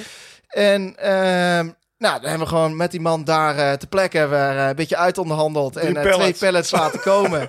En daar is het eigenlijk mee begonnen. En toen ben ik vaker naar Italië. Dus heb ik hetzelfde gedaan in de Chianti-streek, in de eh Piemont-streek. Je ziet hem. Ja, ach, dat- dat was super, dat was super En dat mooi. ging op die afdeling bij PwC.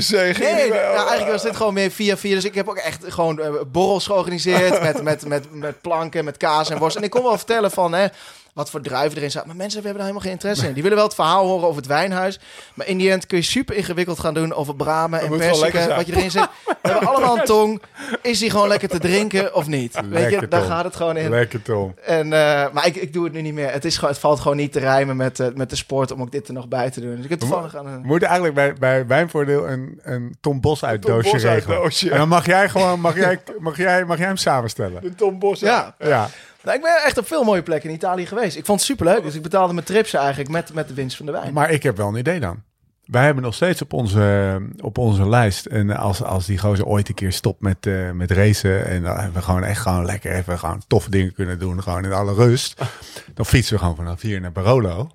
Ja. Of naar, eh, naar eh, Asturië. Of Nou ja, naar als je het hebt over een lift gaan we, gaan, we, gaan we een wijn-bikepacking trip Ja. Maar als je het hebt over een lift slow programma, waar ik van geniet, is Schort over de grens. Ja. Zeker. Weet je, dan Mooi Giel, programma. ja, die dan- Beetje slurpen. Ja, ripasso moet je gewoon even lekker opdrinken. Ja. Te veel van lullen. Gewoon Maar wat, wat, wat mooi is, is... ehm, ja, je wil inderdaad met die zwijnen lopen, die truffels eh, Ja. zoeken. Maar ik, ja, als ik eraan terugdenk... Ik heb op een gegeven moment in een, in een wijnkelder gezeten. In een heel klein mysterie... Want ik heb Duitsland. Ja, met de zwaarden weer. Nee, ik had bij een, een, een, eh, iemand had ik zo'n mooie Amarone gedronken. En ik dacht, nou, ik ga kijken waar die is. En ik kwam in een heel klein dorpje, een mega obscuur huisje. En die man die had dus een hele speciale wijngaard. En die verkocht zijn wijnen eigenlijk alleen aan celebrities, Las Vegas hotels of dus aan, eh, nou weet ik, maar Ah. eigenlijk verkocht hij die niet. Sprak ook geen Engels, dus hij sprak alleen Italiaans. En ik zat in die kelder met hem en die maat.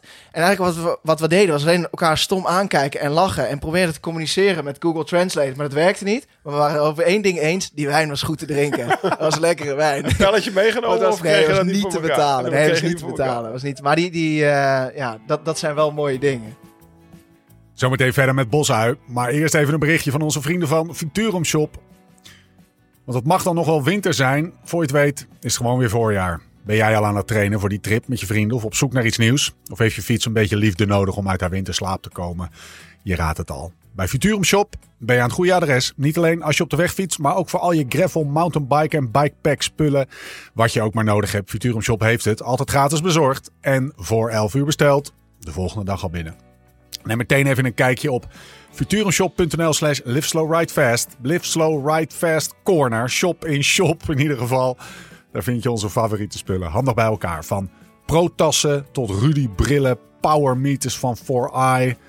Alles wat je hartje begeert. Zeker even checken dus. En als klap op de vuurpijl. Luisteraars van de podcast krijgen bij een bestelling vanaf 75 euro. En tot en met 28 februari direct 10 euro korting op het hele assortiment. Gebruik je voor de code CORNER. Dus niet meer podcast, maar CORNER.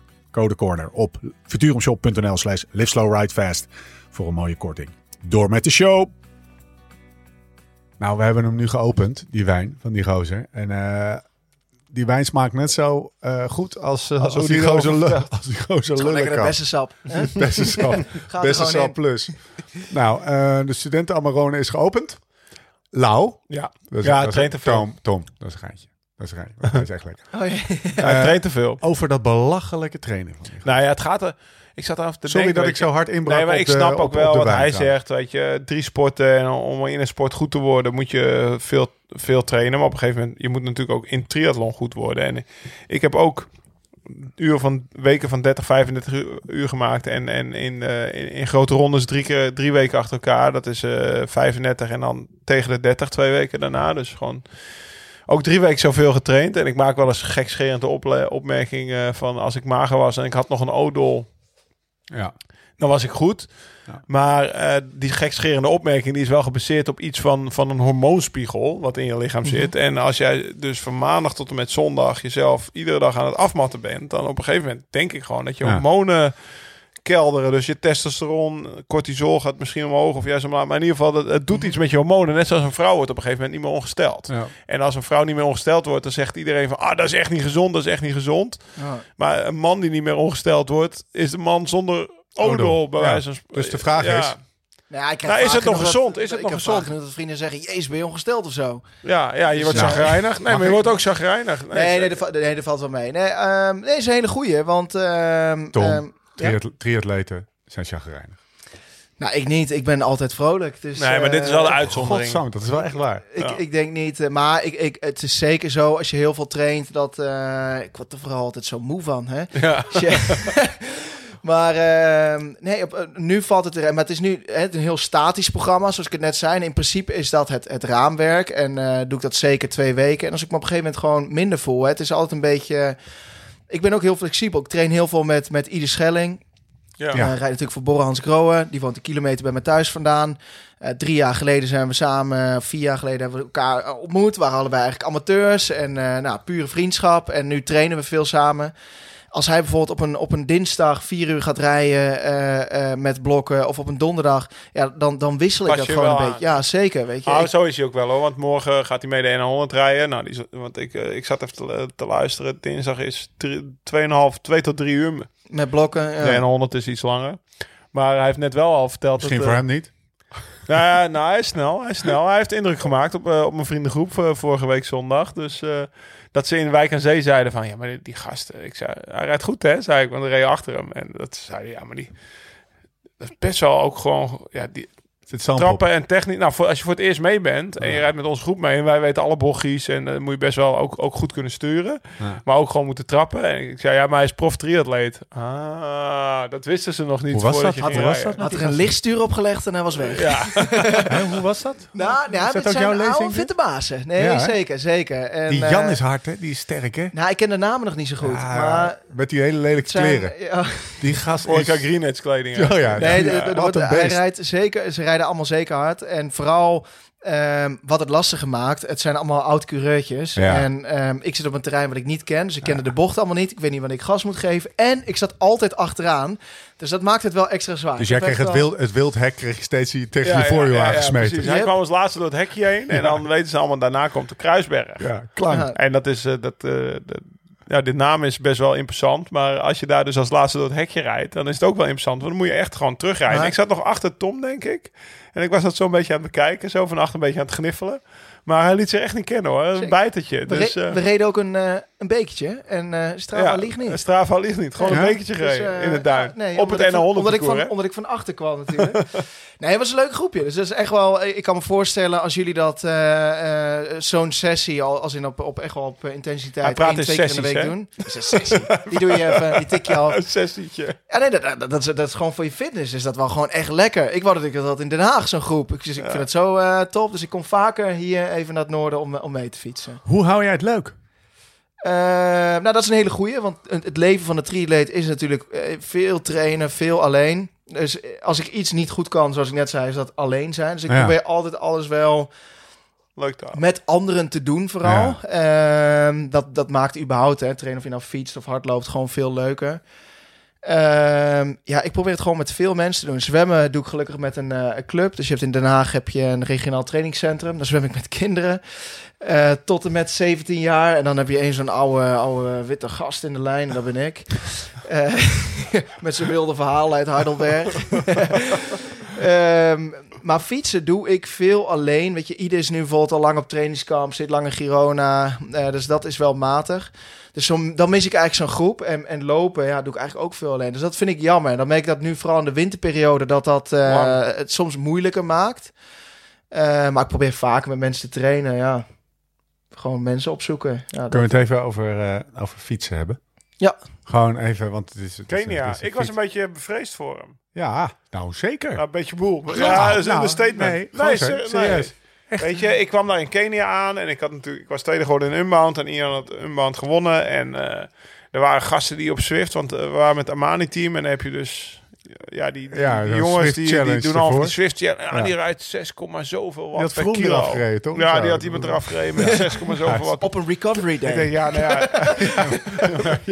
Ken het. Ken Nou, het als dat, dat, was die mountainbiker. Die later met Lachlan ook Cape Epic gereden. Ja, ik ken het. Ja, die was het. En, eh, en nou ja, Tom, die, die, die, die, zoals jullie al merken, is niet op zijn mondje gevallen. Die, ging ook, die, die, die, die was me al weken aan het, of maanden aan het stalken over met welk materiaal ik ging rijden. Met, gaan we op een mountainbike of gaan we op een gravelfiets? uiteindelijk ging je toch op een mountainbike. Ik denk, ja, het is toch een prof triatleet die, die zoveel uur traint als wat we net hebben besproken. Dus ja, de, voordat je die een keertje eraf rijdt, dan... ehm, Ja, moet je van goede huizen komen. moet je van goede huizen Ja. komen, toch? En eh, alleen het, ja, het geluk was, of het geluk, kijk, het, hij is wel prof triatleet, maar echt een wedstrijd rijden met, met gasten door ja, best wel heftig terrein, met lek rijden en vallen. En Mhm. eh, want je bent een keer gevallen. Of ja, ik weet nog wel dat jij een keer helemaal besmeurd kwam je over de meet.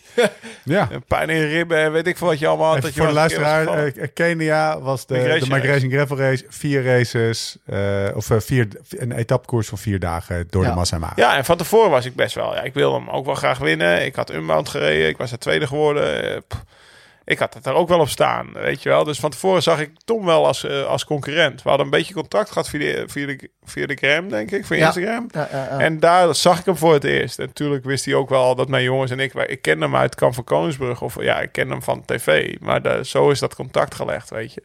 En eh, ja, ik ben eigenlijk wel benieuwd hoe je, hoe je dat ziet. Dat, dat, dat wielrennen op gravel, dat was daar wel heel zwaar gravel. Hoe heb je maar gewoon Kenia ervaren? Unbound. Als fietser? Ja, Super vet. Ik vond, eh, weet je, überhaupt gewoon de plek zelf, hè, dat spreekt Ja. voor zich, magisch met, met eh, de dieren. Maar het fietsen zelf, een, een vierdaagse, had ik nog nooit gedaan. Vier dagen achter elkaar fietsen. En ik dacht wel, als ik vier dagen hard op intensiteit fiets, dan zal er vast één dag zijn dat ik echt fiets als een natte krant.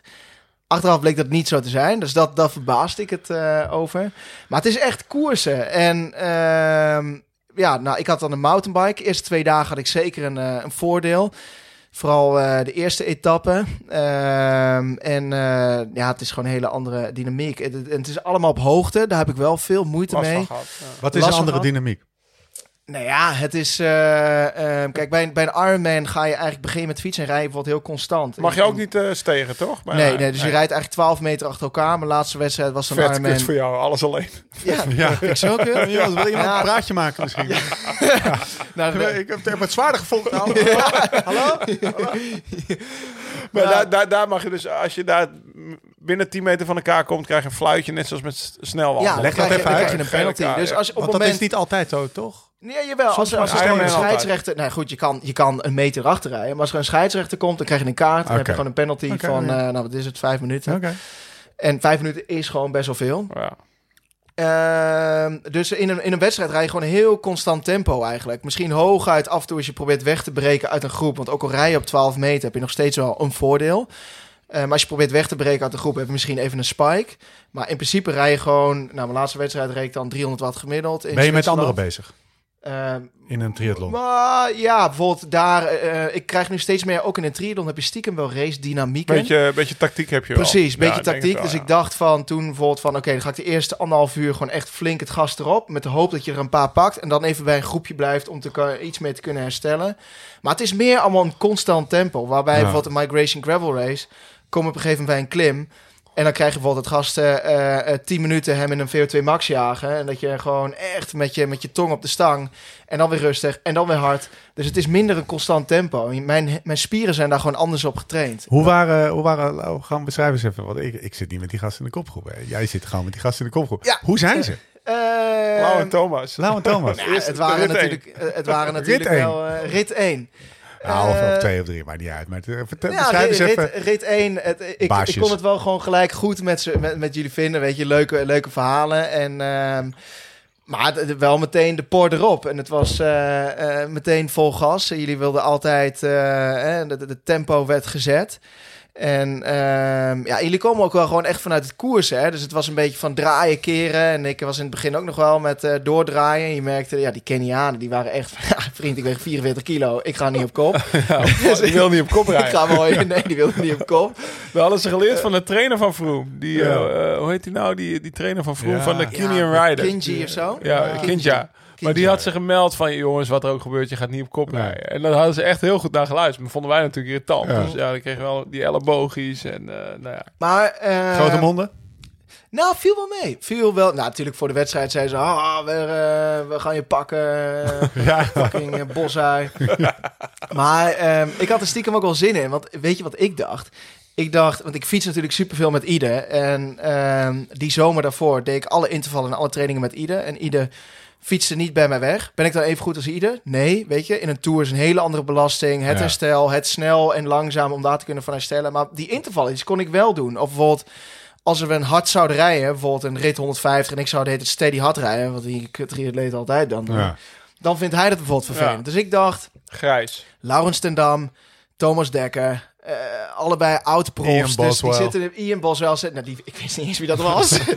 dus ik had geen idee. Maar ik dacht, die twee, ja, die zijn eh, eh, ja, een soort van met pensioen en zullen wel, wel hebben getraind, maar niet superveel. En ik ben fit, dus als ik in een wiel ga zitten, Ja. kunnen ze me toch sowieso niet droppen. Ja. Maar goed, ik wist niet dat Laurens nu waarschijnlijk meer traint dan de laatste jaren als prof. En ehm, dus op hoogte eh, denk Ja. ik dat jullie veel minder hebben ingeleverd misschien. En jullie zijn gewoon echt gruwelijk beest hoor, daar, daar niet van. Maar Volgens mij, wat weet je, de rit 1? Zesde of zo? Of zeven? Ze- eh, zesde. Ja. Zesde, in ja. de eerste rit werd hij zesde. Thomas werd derde, denk ik. Ik werd eerste dan die Ja. rit. Mhm. Maar het was wel, van tevoren had ik wel echt wel een beetje angst voor hem. En dan na afloop van die eerste rit, nou ja, dan lag ik genoeg voor. Maar wat blijkt, is dat mijn krenk dus aanliep. Zwaar. ik heb twee dagen of een dag voor de race, of voordat ik naar Kenia ging, eh, heeft Thijs Al, de MTB-man, Oh, onze, Ja, onze, ja, ja. Ja, onze gast Onze van materiaalpodcast. komende donderdag. Ja, maar hij heeft ook materiaalpodcast. Ja, de materiaalpodcast, die had mijn krenk erop gezet en blijkbaar niet goed uitgespeest. Hoe kwam ik daarachter? Kijk, in Kenia loop je up en down en Ja. in, op hoogte, dus dat heb je allemaal niet door. Ik ging met Ieder op het strand rijden en ik zei... kunnen we alsjeblieft even rustig doen? En hij zei, dat was de eerste keer dat ik op het strand reed. Hij zei, ja, maar ik rij rustig. Ik zei, nou, ik, ik trap me helemaal de bal uit de broek. Ik zei, ja, hij zei, nou, dat geloof ik niet. Ik zei, laten we nu wisselen van fiets. En toen kwamen we dus achter dat op mijn fiets is je hartslag gewoon 15 slagen hoger. Nou, we hebben de wielen getest, was het niet. Hartslag. Afgelopen week weggebracht.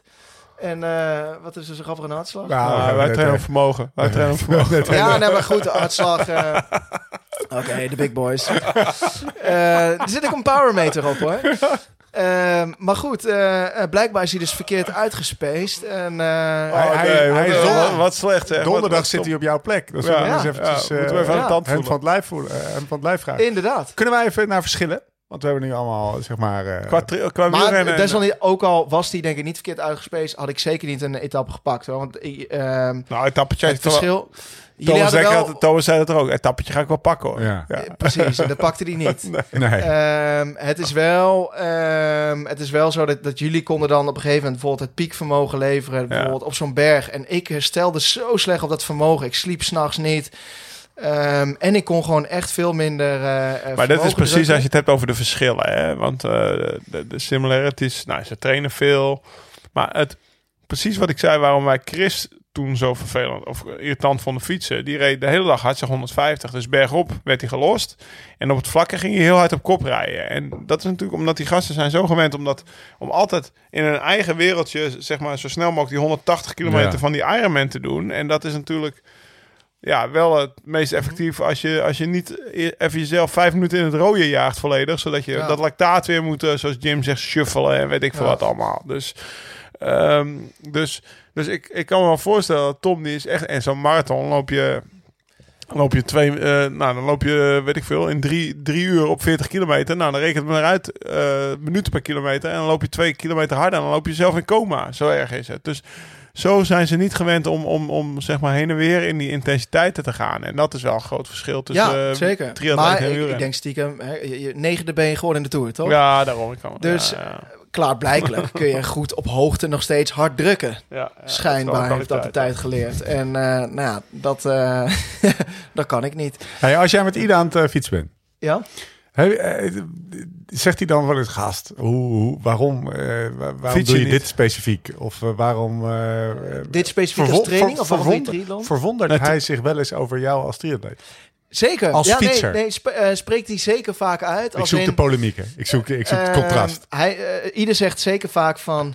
Fuck man, eigenlijk hetzelfde Ja, wat jij zei. Ik kan me niet voorstellen dat je... Of ik, ik, kan, ik, ik, kan me, ik moet er niet aan denken om nu nog straks te gaan zwemmen. Want hij weet dat ik dan nog moet zwemmen, moet gaan rennen. Ehm, dus dan zegt hij, ik heb daar echt respect voor man. Dat jij gewoon nog een paar keer moet trainen. Ehm, maar eh, we zijn wel twee totaal verschillende renners. Maar dat komt ook op de manier hoe wij trainen. Dat, dat zeker. Maar we, we hebben zo op onze eigen manier. Ik heb heel veel respect voor op de manier hoe hij traint. Of hoe hij gedisciplineerd is. Of hoe hij met bepaalde dingen omgaat. En ik denk dat wij zo allebei eh, van elkaar eh, leren. Ik weet nog, eh, ehm, ik- ben, nou ja, ik, ik ben, ik heb wel, ben prima commercieel. En ik weet nog wel toen ieder, voordat hij, eh, eh, toen hij wat aanbieding had gehad, eh, bijvoorbeeld van, van Bora, dat, dat hij daar met mij als eerste over heeft gesproken. Dus dat hij, ik denk, daar bij mij waarde aan hecht dat ik hem daar commercieel Ja. advies op geef. En of het nou doorslaggevend is, dat zeg ik niet. Maar Nee. zo zijn er bepaalde dingen die wij eh, elkaar, eh, eh, ja, dat, dat we elkaar erin versterken. En nee, vind Ja. ik echt mooi. Ik, vind, ik kan het zo goed met hem vinden. Ja, Ik heb een oproepje gedaan hè, op Insta. oké. Zo van, eh, heb je nog... Ik heb Tom Boshuis. Ja. En zijn, er nog, zijn er nog vragen of vooroordelen? Of, zeg maar, de mensen die op Insta eh, dit tegenkomen van mij, dat zijn over het algemeen fietsers of mensen die naar de podcast luisteren. Dan kan je even afvragen. Zo, eh, ben je benieuwd? Wat, Ja, nou, wat, de mensen in het eh, land eh, zeggen? Heb je ook zo'n zwembad met stroming, Stefan Duim? Eh, nou, dan, eh, dan bouwen hem langzaam op. denk zo'n endless pool. Met Dat je blijven zwemmen, zeg maar. Ja, dat je gewoon blijft dat je een Eh, soort van... Mocht ik inderdaad een woning hebben met tuin, had dat gekund. Ja, Maar ik, ik ben niet de, de soort atleet die dat zou kunnen. Dan, want dan lig je echt in een bad alleen tegen een stroming. Heel erg. Ik zou dat niet kunnen. Nee. Er zijn triatleten, ik weet Ja. even niet wie, maar er zijn mensen die gewoon een, een full distance triathlon eh, Op de indoor, loopband, op de fiets. indoor doen? Ja, ja, dat, ehm, ja, nee, zover, eh, dat, dat zou ik niet kunnen. Ja, er moet Ja. voor mij nog een fun eh, factor in Ja, zitten. Dus of je moet zoveel in het verleden nog mentaal te verwerken hebben, dat je denkt, fuck it, ik duik gewoon het bad in. ik ga daar uren op lopen malen. Nee, dat kan ik niet. Nee. Nee, dat is wel... Richard H. zegt, hoe, hoe is het daar in je try? In je trial. Je try-hole? In je trial. Dat is kennelijk een, een, een term. Een term dat je, Try-hole? als je triatleet bent, zo, zo, Zo in je tunnel zit. zo in je tunnel zit. Dat Ja, is nou, een trial. ik, ik kan me voorstellen dat, dat, het, dat het voor veel fietsers Je- eh, is van triatleten zitten heel erg in hun eigen bubbel en, en doen hun eigen ding. En dat stoort mij ook best vaak aan triatleten. Dat ik bijvoorbeeld zeg, joh, laten we morgen, het wordt 20 graden, laten we een vette rit rijden eh, in Limburg. Ik noem maar iets. En dan de dag daarna weer. Dan doen we gewoon twee dagen, maken we er moois van. Ja, nee, kan niet. Ik moet morgen eh één uur fietsen en twee uur lopen. Dan denk ik, dude, schuif Ja. een beetje met je schema. Heb een beetje lol, weet je. ja. Ehm, dus ik ben zeker niet de, de, de type die heel erg is van dit is mijn schema, dit moet ik doen en ik moet nu fietsen op hartslag. Ehm, eigenlijk ik bijna alles op, eh, alleen mijn intervallen zou ik op wattages of zo doen. Of, of in de duinen doe je het ook op gevoel, dan ram je gewoon, weet Ja. je. Eh, maar eh, ja, gewoon. ja, dan heb je helemaal geen tijd om naar dat dingetje te kijken. Maar nee, dat, dus hoe is dat je try-hole? Never been there. Laatste, laatste vraag van een niet nader te noemen Wie de inspanningsfysioloog ergens Oh, in, aan, de, aan de voormalige Zuiderzee. Eh, hoe weet je dat een triatleet aan Kona heeft meegedaan? Dat vertelt hij. Dat vertelt hij je. Ja, ja, zou ik, ja, ik denk het wel. Ja, vooral veel... zo- maar het is een beetje, natuurlijk is het een beetje eh, makkelijk, maar ik- het is dezelfde vraag als ja, ik ben profielrenner. Oh, heb je de tour gereden? Ja, ja, Weet ja. je, Maar dat, wat- eh, ik zou het hem ook eens eerst vragen. Ik ben triatleet, Ironman Ja. doe ik. Oh, heb je Hawaii gedaan? Maar ik ik, denk weet wel, niet eens of het Kona is. erover nadenkend. Ik denk dat Ironman de meest eh, fanatieke amateursport is over de wereld. Want om ja? Ironmans te kunnen doen, moet, Moet je, je gewoon goed eigenlijk al. 12 uur in de week. Weet je, je komt niet weg Ja. met twee, drie uur trainen. Nee. Dus ehm, de, de mensen die het doen zijn gewoon heel erg eh, committed. En Nou, naast een fulltime baan vaak. Je ziet ze ambitieus. ehm, Zoals ik naar die sport kijk, wat ik super vet vind, is het, het officieuze WK is nog steeds waar het ontstaan is. Ja. Maar je hoort ook net, hij ligt daar dus met 3000 man tegelijk te water trappelen. Toch? Maar die zijn allemaal in hun leeftijdscategorie op een basis van een puntensysteem van wat per wedstrijd wordt toegewezen naar die. Dus welke 40 van die wedstrijd. En we, het zijn eh even snel uitgerekend, eh, nou ja, 80 wedstrijden die 40 mensen mogen af, afvaardigen. Die hebben zich allemaal wel gekwalificeerd. Kijk, Unbound moet je gewoon meeloten. Ja. En als jij, eh, weet ik veel, als jij 24 uur erover alleen überhaupt kan doen. Maar die mensen die daar aan de start staan, die hebben zich allemaal al in een andere wedstrijd bewezen ja. dat ze het kunnen. En, en, en die staan dan wel met 3000 man, eh, liggen ze daar op een lijntje tussen twee boeien in. En dat vind ik wel, dat is toch wel iets wat je zegt. Er zit toch wel iets iets van, magisch. het lift slow rijdt vast. Het lift slow kennen ze niet echt, maar het rijdt vast zit er wel, eh, dat, is Ja, er wel. precies. Het is niet lift slow, rijdt slow. het- steady fast. Is er, is er, na, is er na, het, eh, na, na zo'n Kona een party? Zeker. Ja, Ja? Nee, nee, ja, absoluut, absoluut. Eh, er zijn best, er zijn eh, veel, veel cocktailtentjes en eh, er gaan eh, de beats aan en eh, Dat ja, is dan met kijk, fietsen weer niet. Met gravel wel, gelukkig. Ja, ja, Ja. Nou ja ik Maar weet, als jij wel eens, nooit naar Amsterdam. nou ja, is er naar de Marmotten Party? Nou, de Amsterdam Gold Race is nog een eh, positieve uitzondering. Want dan kan je daarna gewoon eh, biertjes drinken in zo'n In tent. Ja, of, nee, maar ook gewoon op het, eh, boven op de Oké, heb je wel ja. echt die, eh, die tenten. Maar over het algemeen is het, eh, als je op de weg een, een toertocht gedaan hebt, dan is het daarna wel even een, een- misschien één biertje en een hamburger, maar daarna is het weg. Ja. Dus zo- de, de- geen, geen party scene daarna. nou, is echt wel... eh, Maar ik- in, in kan me voorstellen, want die hebben zo in een try-hole ja, geleefd. Die hebben zo'n hol, die komen uiteindelijk dat hol uit. En dan is het Ja, gewoon... wow, eh, er zijn ook andere over- mensen. ik had een familie. nee, maar eh, zeker. Na zo'n wedstrijd, vooral, ik heb bijvoorbeeld in, in Nieuw-Zeeland in, in eh, eh, februari 2020, echt net voordat COVID uitbrak, eh, hebben we daar die wedstrijd gehad. En toen waren we daar alle- allemaal, eh, ja, hadden we gewoon echt een groep van 25 gasten. En we, we zijn gewoon tot, tot vijf uur s ochtends, hebben we speciaal bieren gedronken en... eh, muziek aan. Ja, dat was gewoon echt wel, wel een wild feest. Ja. Ik vind het mooi, weet je. Je, hebt ook, je kan niet zoals in, het, in de wielrennerij wie- eh, weekend na weekend een Nee, race doen. Je Dus- leeft echt naar iets toe. Dat is Precies, dan- daardoor is ook echt een feest. Dus na elke wedstrijd, ja, dan gaat, dan gaat het Ja. er ook even af. Lekker. Zeker. Heb, heb je in, eh, in de triathlonsport ook een soort van... eh, je hebt, je hebt, oké, je hebt de, de, de Roubaix, dat, of Mhm. eh, Vlaanderen of de Tour, hoe je het net wil noemen, is, dat is Kona. Maar heb je ook een soort van serie van hele grote klassiekers? Nou, er is nu iets nieuws wat op stand komt. Dat heet eh, de Professional Triathletes Organization. En ehm, Klinkt als de UCI. dat klinkt zoiets, maar degene die het op heeft gezet, dat zijn een paar miljardairs die ook tennis en golf heel erg succesvol hebben gemaakt. Die willen het nu ook doen met triathlon. Die hebben een paar wedstrijden. Eh, voor afgelopen jaar voor het eerst hebben die twee wedstrijden georganiseerd met een prijspot van ook eh 2 tot 3 miljoen of zo. Oké. Er mogen alleen, dus ze hebben nu een world ranking systeem opgezet. Eh, top 100 krijgt standaard eh, geld uitbetaald aan het begin van het jaar, aan het eind van het jaar. En die wedstrijden hebben ongelooflijk veel geld. En nu hebben ze dus een soort van eh, world tour georganiseerd. En er komen dus vijf wedstrijden of zo over de wereld. Er komt er een in Canada, de VS, Europa, Oké. Azië. En daar zijn dus giga prijzenpotten. En eh, ja, daar moet het dan... eh, ik denk dat dat meer een soort Roubaix-achtig... Heeft Iron Man niet ook zoiets? Je hebt Iron Man Nice. Ja, Iron Man is dat. Ja, en, Ja, Maar dat is Of is dit Iron. Man? Dat is Nee, dit, dit dat- staat nee, dus los van Iron Man. Inderdaad, Ja. Iron Man is eigenlijk gewoon een de commerciële organisatie. organisatie. En je hebt dus ook, ja, het is heel ingewikkeld hoor. Iron Man is eigenlijk gewoon een commerciële organisatie. UCI is gewoon vanuit de bonden. Zo Ja. heb je in Nederland, of eh, zo heb je. Iron Man is zeg maar de lifetimes in de in, eh, in Ja, maar door het middel van die Ironmans kwalificeer je ook voor Kona, toch? Ja, Dat, ja, dat zijn dat de is- enige wedstrijden waar dat en iedereen kent Iron Man van de naam. Het is Ja. een- echt een commerciële brand. Ja. En, en dit is Professional Triathletes Organization is eigenlijk iets nieuws. Wat dus ook nu bijvoorbeeld een samenwerking heeft met Eurosport. Die wedstrijd toen hebben ze ook uitgezonden op Eurosport. Eh, en dat deed het supergoed. Dus dat, dat willen ze nu uitbouwen. Omdat ze eh, ja, van triathlon gewoon een commerciële sport willen maken. Hey, en is het nou, een kleine wereld? Want eh, ik hoorde jouw podcast. Tom heeft een eigen podcast. Ja. In het Engels wel echt Triathlon Mockery. briljant Engels praatje. Ik, waar heb je dat geleerd? Ja. Nou, eigenlijk eh, door het te doen. Want toen ik klaar Nou, was... dat is bij mij niet gelukt. Nou, Lekker toch op, man. Ja, nee, zonder gein. Want ik kwam, mijn hele studie was in het Nederlands. Ik heb VMBO Engels gehad. Nou, dat is geen eh, eh, Shakespeare. Dan heb je CIO's, HAVO, VWO. Krijg je alleen begrijpend lezen Engels. Mijn hele bachelor van eh, eh, eh, belastingrecht was allemaal in het Nederlands. Nou, Heidelberg, Duitsland natuurlijk. Also. Toen mijn master ook alles in Nederlands. En toen op een gegeven moment begon ik met triathlon. En toen ontmoette ik een Duitse eh, gast in, in eh, Den Haag, waar ik veel mee heb getraind. En die praatte altijd Engels tegen mij. En toen dacht ik, mijn, mijn Engels is zo beschamend slecht. Dus ik ben het Nou gewoon ja, heel veel op. gaan... Ja, nee, maar toen. Toen ben ik het heel veel gaan spreken, eh, doen. eh, eh, eigenlijk echt heel veel doen. En op een of andere manier, Die nu gast, is het echt supergoed. Dus ik heb een podcast in het Engels. En, eh, maar Hoe gaat echt- het daarmee?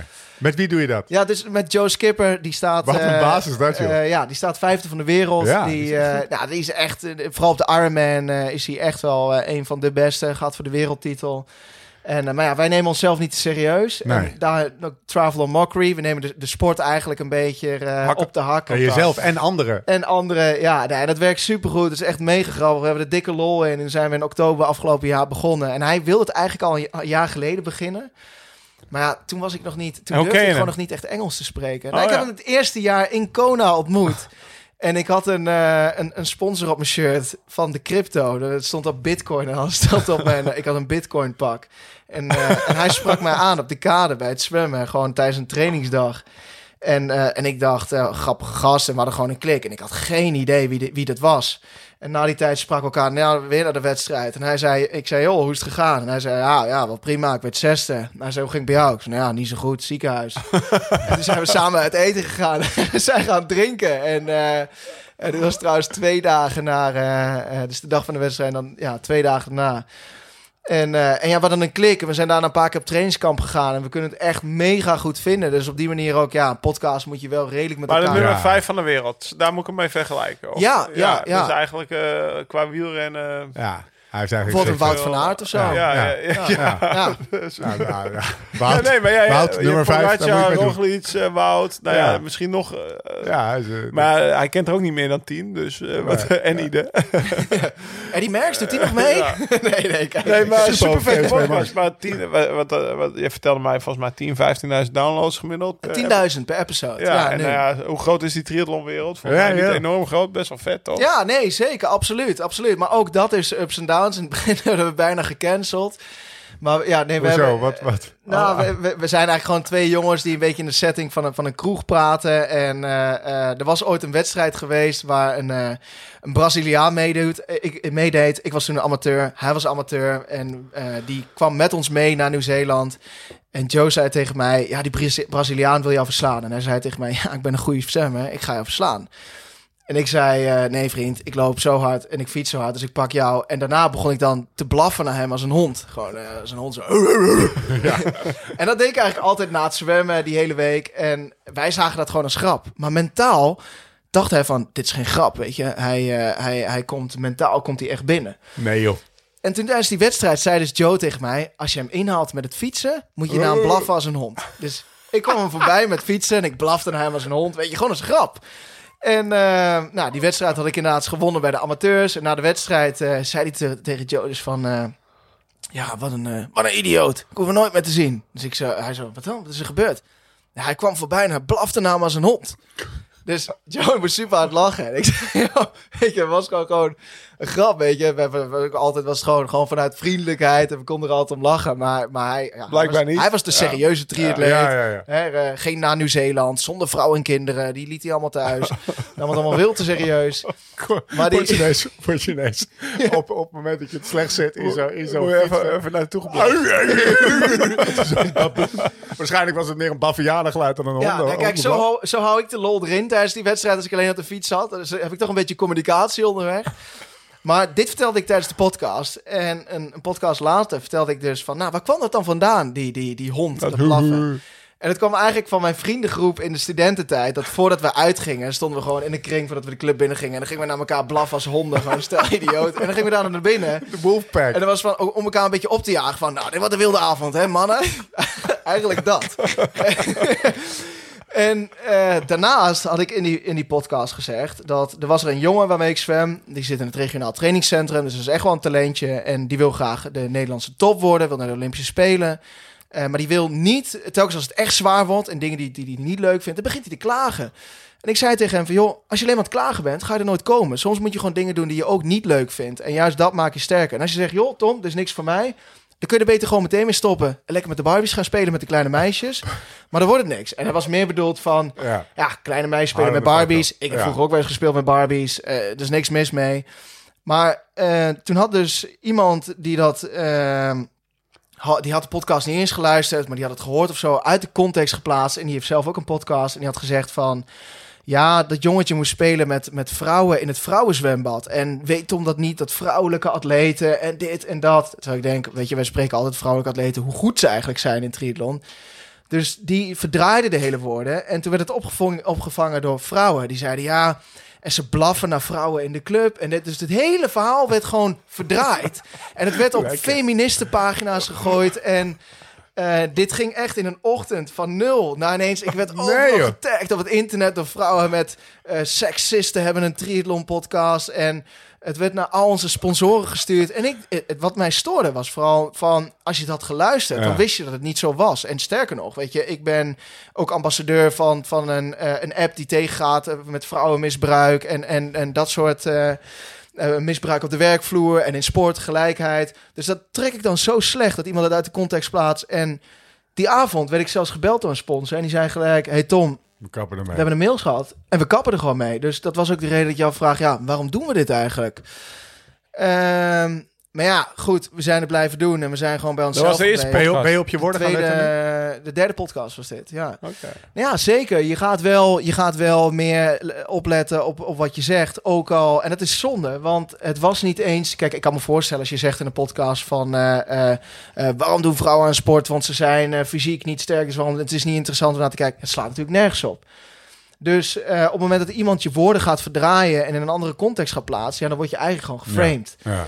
Plus op het moment dat een sponsor zegt van... hé, hey, we stoppen ermee en hè, we hoeven je verhaal niet te horen... en we hebben de podcast niet geluisterd... ja, dan zou ik ook kunnen zeggen... hé, hey, ehm, ehm, nou, ik, ik, ik zal het voordeel niet noemen... maar dit is gewoon vervelend, want ehm, er wordt gewoon niet... het- ja, je weet gewoon niet wat er gezegd wordt. Ik wil nog even één keer je- naar, Kamp van Koonsbrug en dan kan je afsluiten. Nee, nee, ik wil nog even niet afsluiten. Ik, wil, Oh, ik, ik vind het best wel... ehm, Oh, dat kijk, het, het op je woorden letten. Zeker. Ehm, volgens mij is de podcast als medium een medium wat, wat heel erg gedijt bij het feit dat. Vrij zeg maar, de- praten. ja, dat je, dat je. Dat betekent niet dat je Ja, niet ik- hoeft na te denken bij wat je Ja, zegt. Maar, maar- of dat je, dat, je, eh, dat je gewoon maar alles eruit mag blaffen. Om het maar eens een beeldspraak te gebruiken. Maar dat je, dat, je, dat je eerlijk en vrij kan praten, zeg maar. Ja, maar het ging zelfs zo ver dat ik bijvoorbeeld een. eh, we hebben ook een Instagram pagina en, en dat ik daar een foto op plaatste en dat ik zei.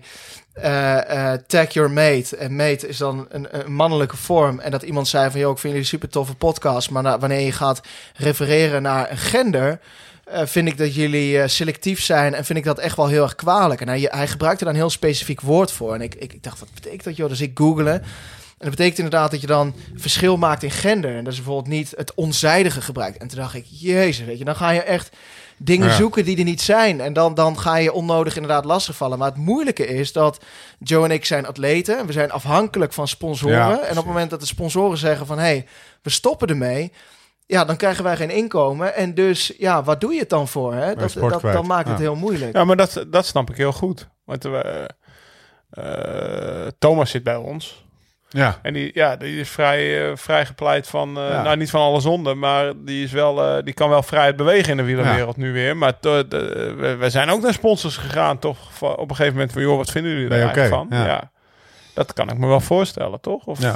Nou ja, absoluut. Maar het is meer gewoon... ehm, Ja, Ehm, ja, wij, wij, wij, voelden dat het oké was om, eh, om hem erbij te pakken. Maar wilden dat ook wel even, even checken. Je hebt in dat soort dingen altijd een persoonlijke en een zakelijke zeker. component. Ja, en daar moet je je bewust van zijn. dit- Zolang je maar gewoon vrijheid kan praten. Absoluut. Ja, nou, in- helemaal aan het begin was dit eh, iets. En harde- altijd, harde les. gonna hate, players gonna play. En nu, Ja. eh, eh, we, we zijn het... Vooral in die triathlonwereld natuurlijk. Moet je heel erg op je woorden letten. Want die mensen nemen elkaar Nou, het is wel, wat, het is wel een, ja, en het is echt een klein wereldje. Ja. Heel klein wereldje. Ja, Ja, Dat is echt. natuurlijk echt een heel klein wereldje. Dus, eh, Ja, nee, dus eh nou, vind ik leuk om te doen met hem. En eh nou, we doen nu twee maar het is ook leuk om te luisteren.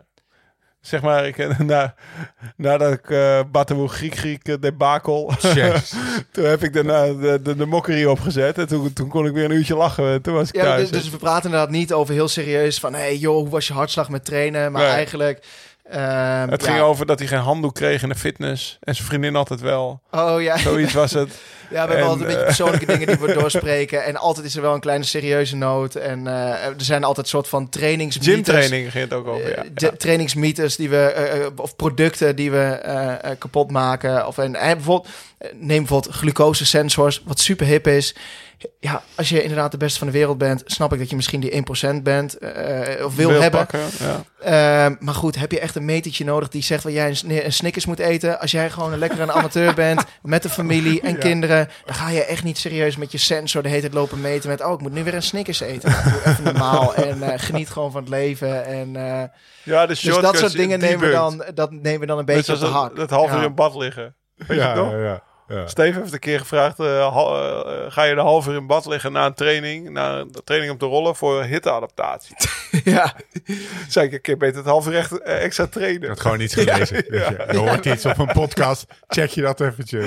Kan je ja, dat Hij was wordt ook weer in de lengte der dagen. Nee, dat ja, nee, want ik was dan weer vergeten. Maar van de week kwam je er zelf, je kwam Ja. er zelf mee. Ik was dan weer vergeten. Ik dacht, oh ja, dat heeft hij ook een keer gevraagd. Ik kan een half uur na mijn training in bad liggen. Dan ga Ja, vijf met- minuten in bad en 25 minuten langer trainen. Volgens mij werkt ja. dat beter. Maar hij wilde gewoon excuses om lekker in bad met, met, met zijn uh, scrubzout en Vet zijn, goed voor me, ja. en zijn, en bruisbal. Nee, een kwartiertje Oh, hygiëne. Een kwartiertje, kwartiertje persoonlijke hygiëne. En dan had hij weer een half uur nodig. Dan moet je natuurlijk kom- nooit aan Lau vragen of je... Kom van Koningsbrug. Daar wil ik nog even naartoe. Je hebt het over out of comfort zone. En ja, ik, ben, ik, ik kijk zo. de seizoen 2 is nu bezig. En dat is zeg maar het wekelijkse uurtje dat ik en de kinderen nou, op de bank. En dan zitten die twee van mij echt gefocust te kijken. Hoe ver ga je daar uit, buiten je comfortzone? Want het is, het is ook weer iets waarvan ik denk, nou, als ik toch één programma mee zou doen, eh, Expeditie Robinson of zo, dat trekt me niet zo. Is dit een sollicitatie? Nee, Nee, nee, want je moet je zes keer kunnen optrekken en dat lukt me niet. Ah, ja, dan kan ik je wel even klaarstomen. nou ja, oké. samen met Butter dan. nee, maar ik en ik heb daarna ook foto's. Nee, niet bij Butter. Gewoon zelf. Ja, nee, maar ik wil wel samen met Butter. Ik moet wel iemand af kunnen plassen, toch? Dus eh, nee.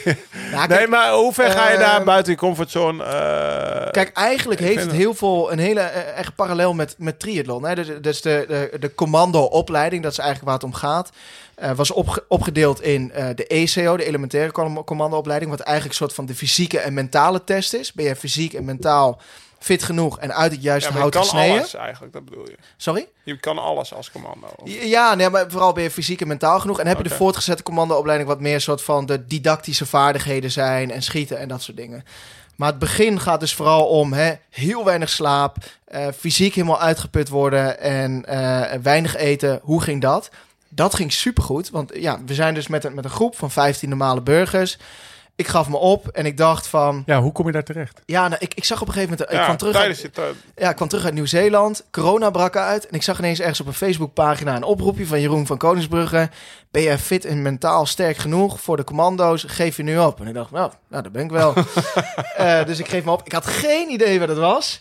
En eh, ehm, nou, gesprekken gevoerd. En op een gegeven moment in de zomer was het zelfs zo van... eh, eh, ja, je bent eh, eh, geselecteerd en eh, dan zijn de fitheidstesten. En ik zo, maar wanneer is het? Ja, september. Ik, had, ik wist nog steeds niet wat het was.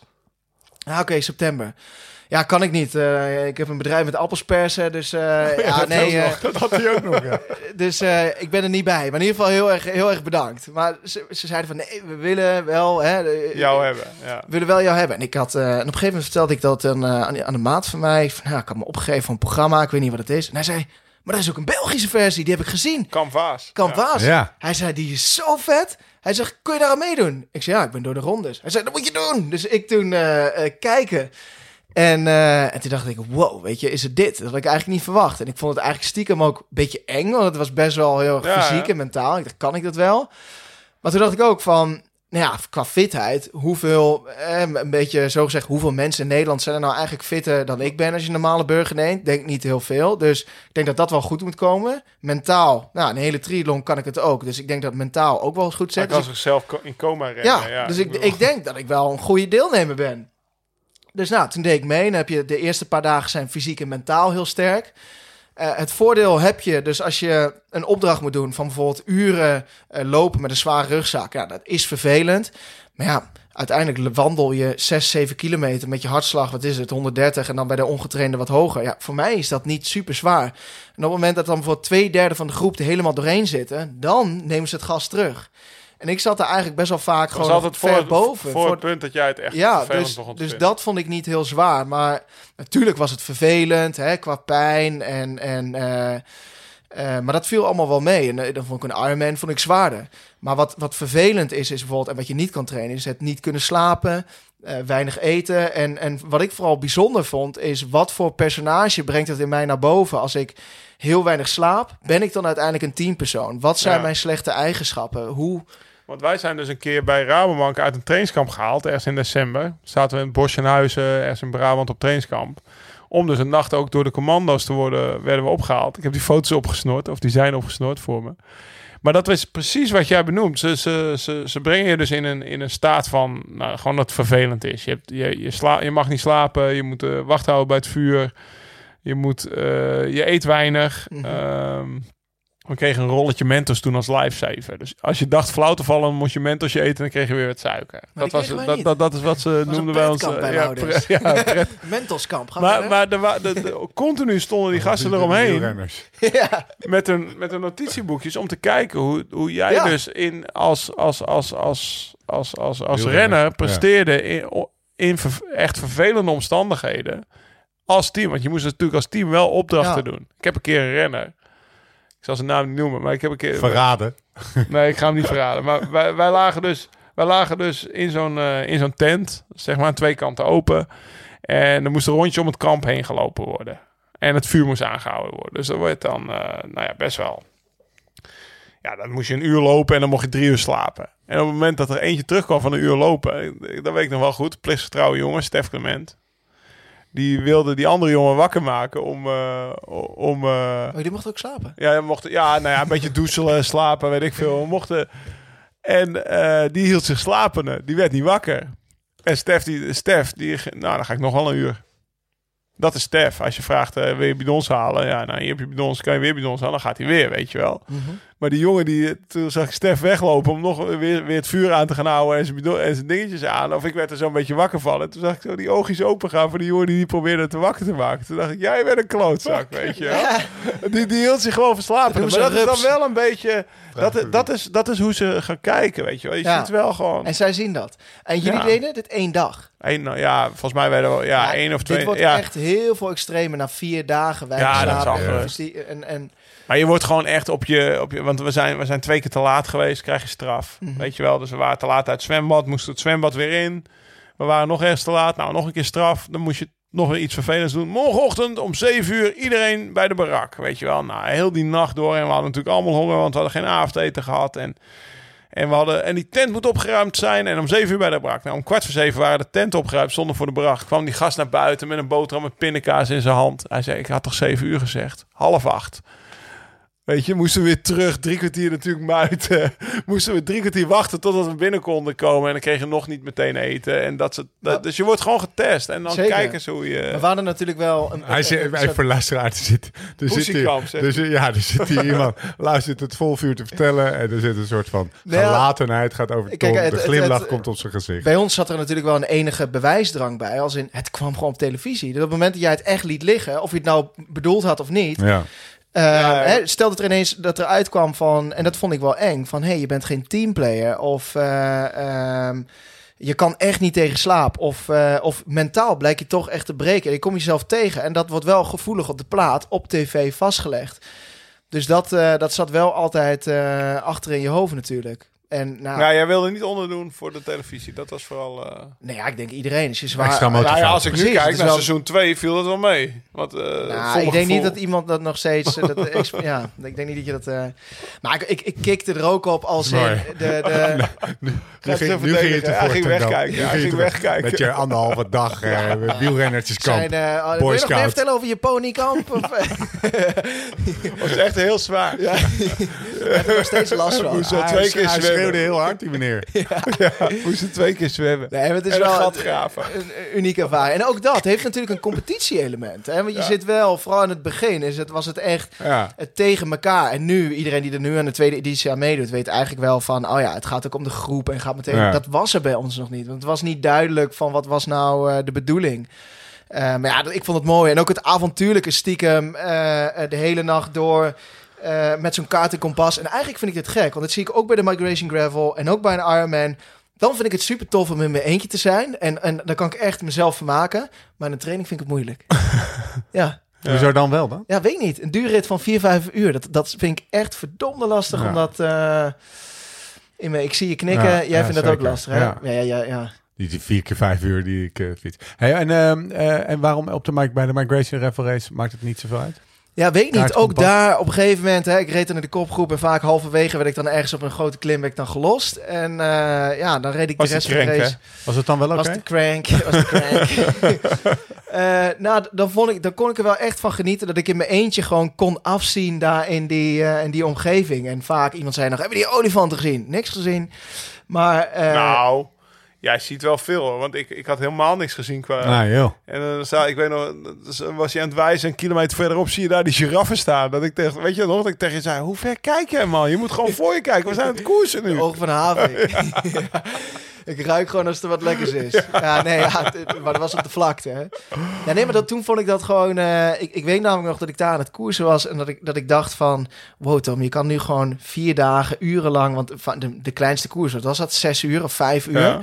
Eh, dus de langere, acht, negen. Nu kun je het gewoon zo lang. Dan moet thuis zo'n duurritje vier, vijf uur moet toch ook kunnen... zonder als het Ja. gewoon rustig is. Maar op een of andere manier vind ik dat moeilijk. Ja, En mag mij eh, iedere zondag ja. door daarna jetsen. Ik ik denk dat dat ook wel het moment is waarop ik dan soms denk van... heb ik dan toch niet de echte topsportmentaliteit? Ja? Denk ik, ja, nee, zeker. Ik, ik heb daar ook wel eens eh, dat... Hè, toen zag ik natuurlijk eh, jou en, en eh, Laurens en, en Thomas. En toen, eh, toen spraken jullie daar... Ik heb daar met veel met jullie over gepraat. En ik weet ook nog dat ik Thomas echt wel met, eh, met passie hoorde vertellen van... eh, ja, ik trainde vroeger het meest van iedereen. En eh Ja. weet je... eh zeven uur op, acht uur op de fiets en rammen. En ik kan ook gewoon in mijn eentje drie uur hard rijden. En eh, nou, ik train veel met Joe, dan zie ik dat ook. En dan denk ik wel eens van, van kan, heb ik dan wel die echte topsportmentaliteit? Waarin in de wedstrijd laat ik het altijd zien. Kan ik altijd heel diep gaan. Heb ik Maar dan eigenlijk relateer bijna je het een aan, dag. aan, die, die fucking savage roofdieren. Zeker. Die, maar, er, die erbij gedijen om... Ze hoeven niet de snelste tijd te hebben. Ze willen Nee, gewoon zeker. winnen van de ander. Zeker, Jij maar- zit wel een andere sport toch ook? Nee, zeker. Maar ik vind dat, ik vind dat eh, mooi om te zien. Om, om die mentaliteit te zien. Ja. Dan denk ik, kom ik dan die mentaliteit tekort? Ik skip eigenlijk bijna nooit trainingen. Dus dat heb ik niet. Dus ik stel het en, gewoon je uit. hebt er, en je hebt er best wel veel, hebben we En ik heb best wel feitelijk veel. vastgesteld. Meer dan maar eh, nee, dat vind ik mooi. Die, die, die mentaliteit. Weet je, afgelopen week, ik kom hier mijn bedje uit. En Laurens, die komt, me, die komt hier de, de mancave in. Al helemaal in zijn pak. Met de bloks al bijna in zijn Ja, mond. daar- En die zijn helemaal maar klaar om te gaan. ja. Dat doet hij. Ja, even gewoon even hier even de methode ten dam. Dat is, dat is. Heb Is je- gelukt, is heb- gelukt. Heb je wel, heb je wel eens eh, in een hotel of bij een ritje dat je niet als eerste in het restaurant was als je in een hotel was? Nou, dat heb ik, Ik denk meegemaakt dat- bij de migration. Dan heeft Laurens de helft al op. Ik heb, eh, ik heb hem een keer uit z'n- ik heb hem een keer gewekt. Nou, dat was echt mijn grootste mentale Overwinning. overwinning op die gozer ooit. Want hij was de rest van de dag echt gewoon niet te hakken. Bij Transit heb ik toen op de deur gebond. Oh ja? Jij bent altijd Verdrongen. als eer, ja, ja, jij Weet bent niet meer. al- ja, je was fucking chagrijnig en je was boos. Altijd als eerste bij het ontbijt. En, en, en, en gewoon meteen al aan. Weet je wel, meteen al, meteen al eh, eten in zijn mik al, twee koffie op, krantje lezen. Ja. Oh, ik was er al hoor. Ik was- Echt een soort van, en dat heeft hij bij jou ook geflikt. Morgen gaan we Ja. vijf voor acht fietsen. Ik zou, over acht weet je wat jij moet Ja, doen? nee, weet nee, je wat- dat moet ik. Dat moet ik. Vijf voor acht, dan pak je gewoon, ga je gewoon kwart voor acht, ga je, ga je, Klaarstaan. ga je die deur. Half zes. Ik was toch al ga je wakker. aan Dan die heb je me wel. Dat klopt wel, dat heb je me wel. Maar dat, is heb bij is Steve niet zo vaak gebeurd. Ja, of dat doe ik om half zeven. Zeg ik, nou, ik heb net anderhalf uur gelopen. Dus, eh, ja, ja, ja, ja, ja, precies. Oh, je bent ook wakker. Maar daarom kon ik waarschijnlijk zo slecht tegen Chris. Eh, de Chris Brands die dan nog ja? smiddags nog even een uur ging lopen. Terwijl ik er wel even gewoon klaar mee ja, was. Die toepte over. Die toepte me Ja. over. Misschien dat dat het was. roofdier. Ja, ja, ja. ja, Nee, nee, Tom, maar dat... eh, Blijf jij gewoon lekker Morgen gaat hij lopen. in je Morgen- try-hole, Ja. mate. Zeker. Serieus, laat je niet zo opnaaien door dit. Het gaat fiets gewoon één keer in dezelfde tijd met die Nee, maar het, is, het is goed om af en toe eh, van anderen wat te leren. Ja. Ik denk dat dat gewoon heel belangrijk is. ja, Dus ehm, zeker. ja, niet te vaak doen. Ehm, wat, ge- hoe ziet de rest van je jaar eruit? Wat is het grote doel? Nou, het, is, het, het jaar is nog vroeg en eh, COVID is ook nog jong. Dus ik weet nog niet wat dat doet. Maar het COVID is wel echt al heel Ja, het is heel jong. een blaagje. Ehm, ja, en je, je ziet nog wel eens dat een eh, her en der een afgelasting. Ehm, maar het doel is, ik wil graag een, eh, snel een Ironman doen. Dus misschien eind maart Zuid-Afrika, of begin, of dus begin april of mid-april Texas. Als ik Texas ga doen, ga ik met Lau Gravel Locus doen. 14 mei. Oh ja. Ik wil, eh, maar dat zou toch iets meer 7 mei zou je iets hebben daar? Nee, 7 mei is dus het WK. Dus dit jaar niet meer op Ironman, of niet op, niet op Hawaii. Voor het eerst in de geschiedenis. Nee joh. Door corona. Ja, ze kunnen het niet aan op het eiland om allemaal internationals te Ah, hebben. En, oké. en, en ook het ziekenhuis is te klein. Dus eh, voor het eerst in de geschiedenis is het nu in St. George. 7 Oké. mei. Ik en heb dan dus 14 mei is Gravel Locus. Zit er gewoon weer in 14 mei koers Gravel. Locos. Ja. Vet hè? En Thomas? Eh, en Thomas. Dus ik denk, eh, waarschijnlijk, misschien ga ik eh, Gravel Oh, doen. Geen aanlopende crank. Wieltje pakken. Geen aanlovende crank. en Ja, natuurlijk ga ik Gravel Locus maar doen. dat is ook mooi. Joe wil hem dan ook doen. Ja. Joe gaat hem ook doen. En ik ben wel echt benieuwd hoe Joe eh, ten opzichte van Oh, jullie... hij want hij heeft heeft het record 12 uur in de wereld op zijn naam staan. Qua fietsen. Qua fietsen, 12 12, uur iets, iets meer dan 44 km per uur, 320 watt op het uitritfiets. Hoe zwaar is hij? Eh 60 kilo. 76. 76. Oh, 6, Ja, hij is wel zwaar. Moet hij dan niet even aan Umbo meedoen? Nou, ik, ik, ik, het lijkt me wel mooi. Ik vind het mooi om te zien hoe hij dan ten opzichte van jullie eh, zou, heb ik ook tegen hem gezegd. Ben echt benieuwd hoe, die, hoe dit verhoudt. Ja, het is mooi om Ja, te zien. nou is toch vet. Er zit wel Ja. een roofdier in. Mooi. ja, ja. ja, is ook echt, echt een mooi roofdier. Ja, ja. Sinkeldam Corner. Ehm, Ik heb ze wat? niet meer. Nee, nee, dat zit niet. Ja, nou, ik heb, het enige is dat ik de, van, van Annemiek eh, VV Ja. te horen kreeg. Ze zei, ja, ik heb, ik, ik heb de podcast geluisterd. En eh, vorige keer hadden we twee, hadden we Sinkeldam Corner en nog iets. Ik weet niet meer precies wat. Maar eh, ik zeg, ja, dat doen we na de Sinkeldam Corner. Zijn ze, misschien moet je voor luisteraars die, die, die vers luisteren. Even uitleggen wat Nog maar, Sinkeldam ja, het was bij wijze van spreken de podcast. Oh ja. Dat was ook via Ramon. Ja. Eh, uitleggen wat de Stopwoordje single... eh, ja, nee, ik heb hem, ik heb hem Ja. weten te vermijden, volgens nou, mij. behoorlijk. Ja, toch? Ja. Dus ik heb hem bij wijze van Bij wijze van spreken. Dat, dat zei ik echt twintig keer per laten we er podcast. even bij pakken. Ah, hij heeft Bij wijze van spreken. Dat zei ik echt twintig keer per podcast. En Ramon ergerde zich daaraan. Dus als ik dan met Ramon ging trainen, zei hij... Hey, Lau van de bij wijze van spreken de podcast. dat zei hij dan. En toen ging ik daarna... Toen heb ik alle Denia-tapes teruggeluisterd. En toen hoorde ik dat echt zo zoveel dat ik me echt aan begon te ergeren. Dus ik probeer mezelf echt in te houden. En de Sinkeldam Corner is ooit ontstaan voor, voor, voor Annemiek.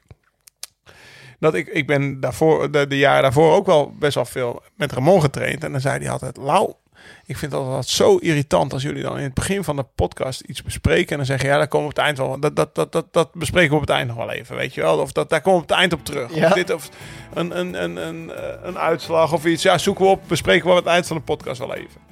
Dus sindsdien heb ik een notitieblok voor me liggen waar ik de Singeldam Corner op uh, opschrijf. Want uh, Wat verder ja, nog hij ter wil dus gewoon aan het eind, uh, zeg maar, dan bespraken we het vaak niet. Weet je, dus dan Nee, vergaten we het. Dus hij komt op het eind wel op terug. En dan op het eind sl- dan sloten we die podcast af. En dan kwamen we er niet op terug. Daar ging Ramon niet, dan ging niet lekker op. Daar ging hij vrij behoorlijk stuk eh, op. ja, dat was waarschijnlijk een triatleet of zo. Die laat je dan in, in het duister met allemaal vragen. En die denkt, wat was dan die Dus sindsdien ben ik, Ja. ben ik netjes aan het er noteren. Ja, sindsdien ben ik netjes aan het noteren van als Steve of ik zeg van joh, daar hebben we het straks al over. Maar volgens mij hebben we zelfs Kamp van Koningsbrugge afgevinkt en alles. Dus eh Hebben we nog top. iets gemist? Nee, het is voor mij eh, is het allemaal goed. Dank je, dank je, dank je dat je er was.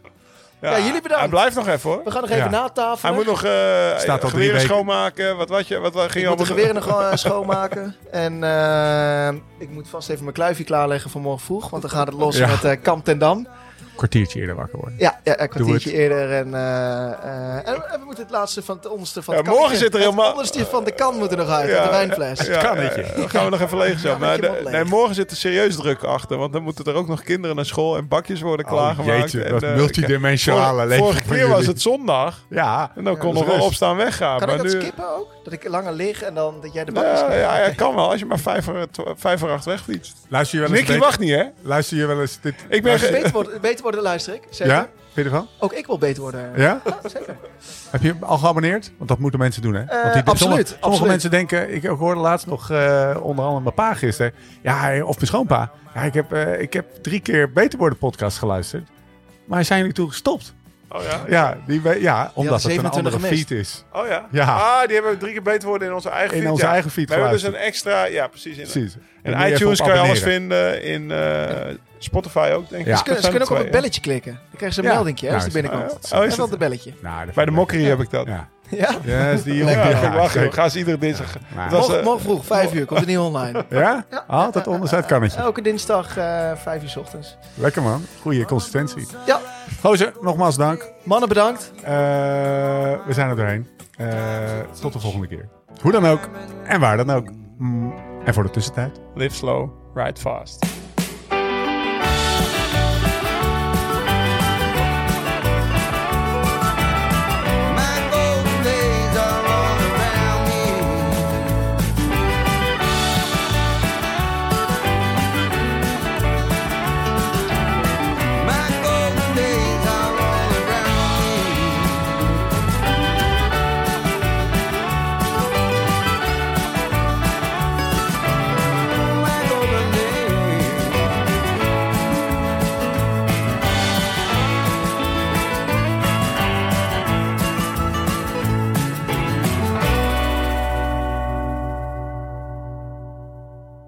Luister je nou altijd naar de Live Slow Ride Fast podcast en fiets je zelf ook? Of ben je geïnteresseerd in beter worden op de fiets? Check dan ook eens de Beter Worden podcast. Een samenwerking tussen Live Slow Ride Fast en Join. Gewoon te vinden in je podcast app. Elke week een nieuwe aflevering in je feed. En bijna allemaal onder het uur. Ook wel eens leuk voor de verandering. Abonneer je dus meteen op de Beter Worden podcast. Een podcast over trainen, eten, slapen.